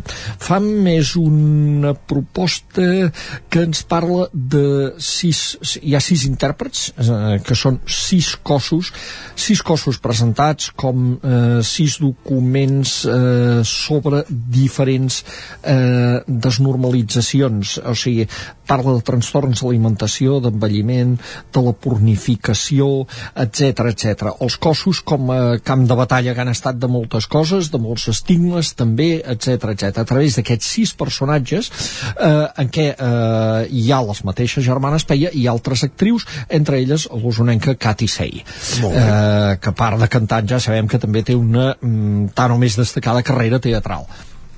Uh, amb l'espectacle FAM de les Impossibles serà a l'Atlàntida el dissabte a les 8 del vespre uh, i forma part del cicle amb veu de dona, espectacles amb accent, podríem dir, feminista que està programat l'Atlàntida aquesta temporada. I com que aquest cap de setmana uh, tenim ja la reobertura dels espais d'allò que hem dit, el lleure nocturn uh, lleure nocturn, millor que oci per mi, eh, lleure nocturn doncs obre la cabra, obre la cabra. N'hem parlat amb en Xavi Huguet a l'entrevista de fet. Doncs eh, ja sabem doncs que obre la cabra amb aquest concert que fan els Amics de les Arts que van tenir la mala sort, pobrets els Amics de les Arts de treure un disc justament 15 dies abans de que ens tanquessin tots a casa el febrer de 2020 eh, el senyal que esperaves, aquest disc que va tenir aquesta, aquesta desgraciada maledicció diguem. Com has dit això? Van tenir la mala sort que els Amics de les Arts traguessin un disc? no, que, que trague... no, van tenir ells pobrets. malament, van tenir ells pobrets. la mala sort de treure un disc al febrer de 2020 van poder fer un concert em sembla. I, i però ara estan ja tancant el final de gira d'aquesta d'aquest- la gira d'aquest disc al cap de dos anys. Eh, de fet és un dels últims concerts el a Vic perquè després ja se'n van doncs, per gravar un, un disc nou.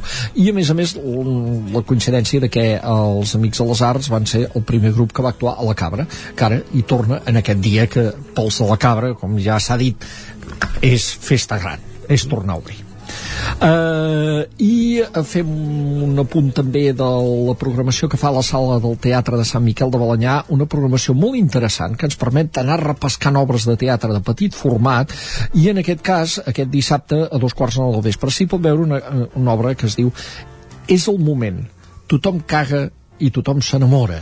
I sí, el ho tothom, el tothom caga és literal eh? el Sí, tothom, perquè, perquè la, la, la intèrpret, la Clara Cortés que ha creat l'espectacle juntament amb la Gemma Sastre està en aquesta acció, en aquell lloc on se sol fer aquesta cosa. I combinant teatre de text i teatre de moviment eh, amb sinceritat amb, ironia, amb sarcasme, amb ironia doncs eh, va fent allò que fem recordar coses, pensant coses a vegades quan estem en aquesta situació. Doncs eh, programació del teatre de Sant Miquel de Balanyà i ens en anem a diumenge. Diumenge eh, destacarem per exemple el Sirvianum de Torelló que a les 6 de la tarda fa la reposició del Somni de la nit de Sant Joan que és l'espectacle que el grup Xarxa ja va estrenar per la Festa Major de Torelló i que torna, perquè hi va haver gent que no ho va poder veure.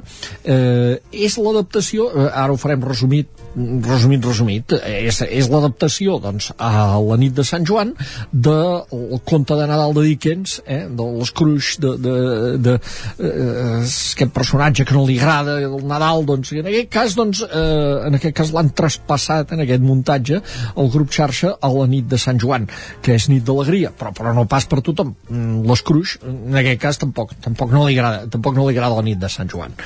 Eh, propostes eh, més a més doncs, que tenim el diumenge en tenim unes quantes eh, tenim aquesta sí que la podem destacar per exemple la pallassa Pepa Plana la Pepa Plana és sinònim de clown a Catalunya és segurament la, la dona pallassa més eh, reconeguda que tenim aquí.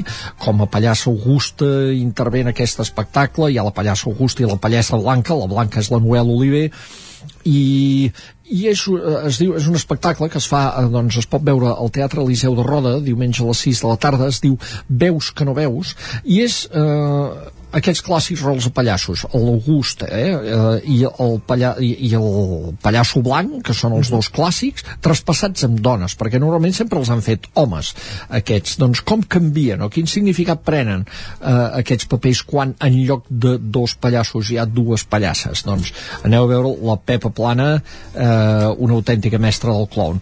Eh, també el diumenge a les 7 de la tarda, represa també la programació la nau espacial de Centelles, en aquest cas amb el guitarrista mallorquí Sebastià Gris, que juntament amb els músics que l'acompanyen i presenta el seu primer, mm, el primer treball que ha fet, que es diu Llorer, Clau i Canyella, és de Manacón, Sebastià Gris.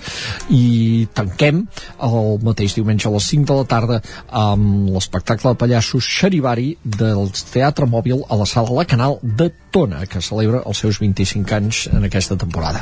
Doncs no ens avorrirem aquest cap de setmana. No, gens no ens avorrirem. O sigui, tenim tot això i a més a més eh, tenim... I Netflix, en fi, a més. Eh, I a més a més Netflix. I a més a més eh, el, avui doncs ja treballem, ja hem dit abans, amb la perspectiva de que a més aquest estiu tindrem festivals. I això Jo serà.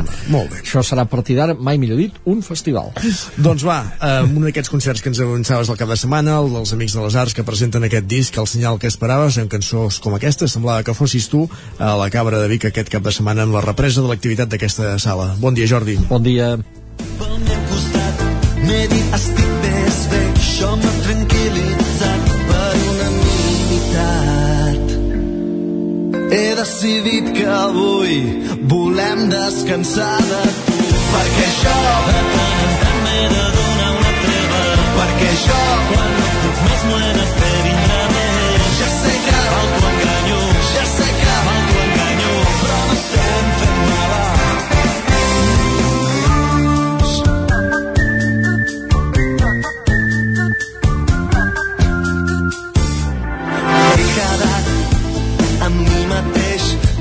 estàvem fets un flam, com sempre abans d'una cita. Ella fa molt poc també s'ha separat, ens ha avisat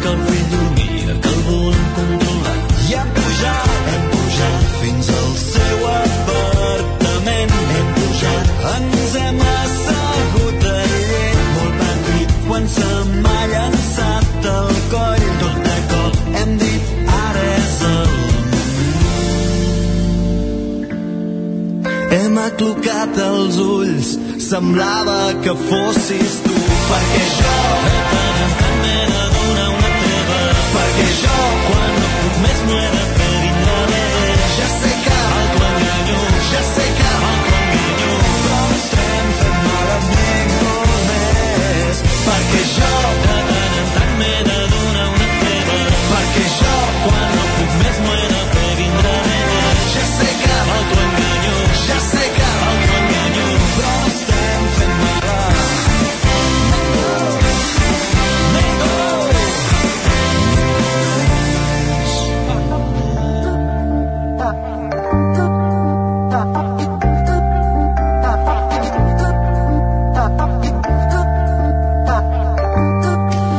Doncs amb els Amics de les Arts, com dèiem, acabem el territori 17 d'aquests dimecres, 9 de febrer de 2022.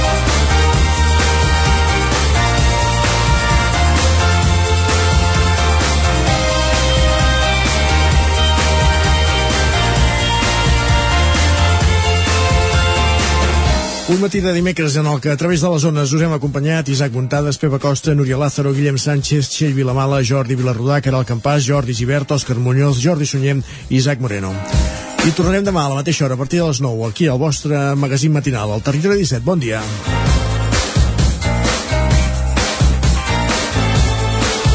Territori 17, un magazín del nou FM. La veu de Sant Joan, Ona Codinenca i Ràdio Cardedeu amb el suport de la xarxa. El nou FM.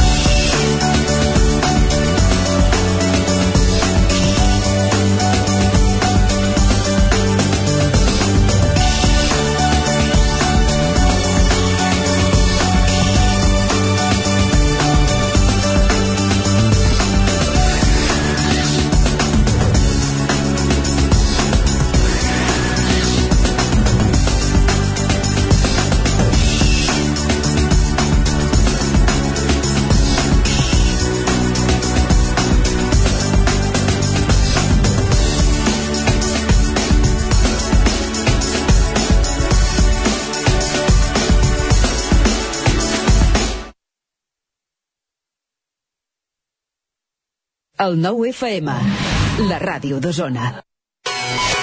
És l'hora del racó de León.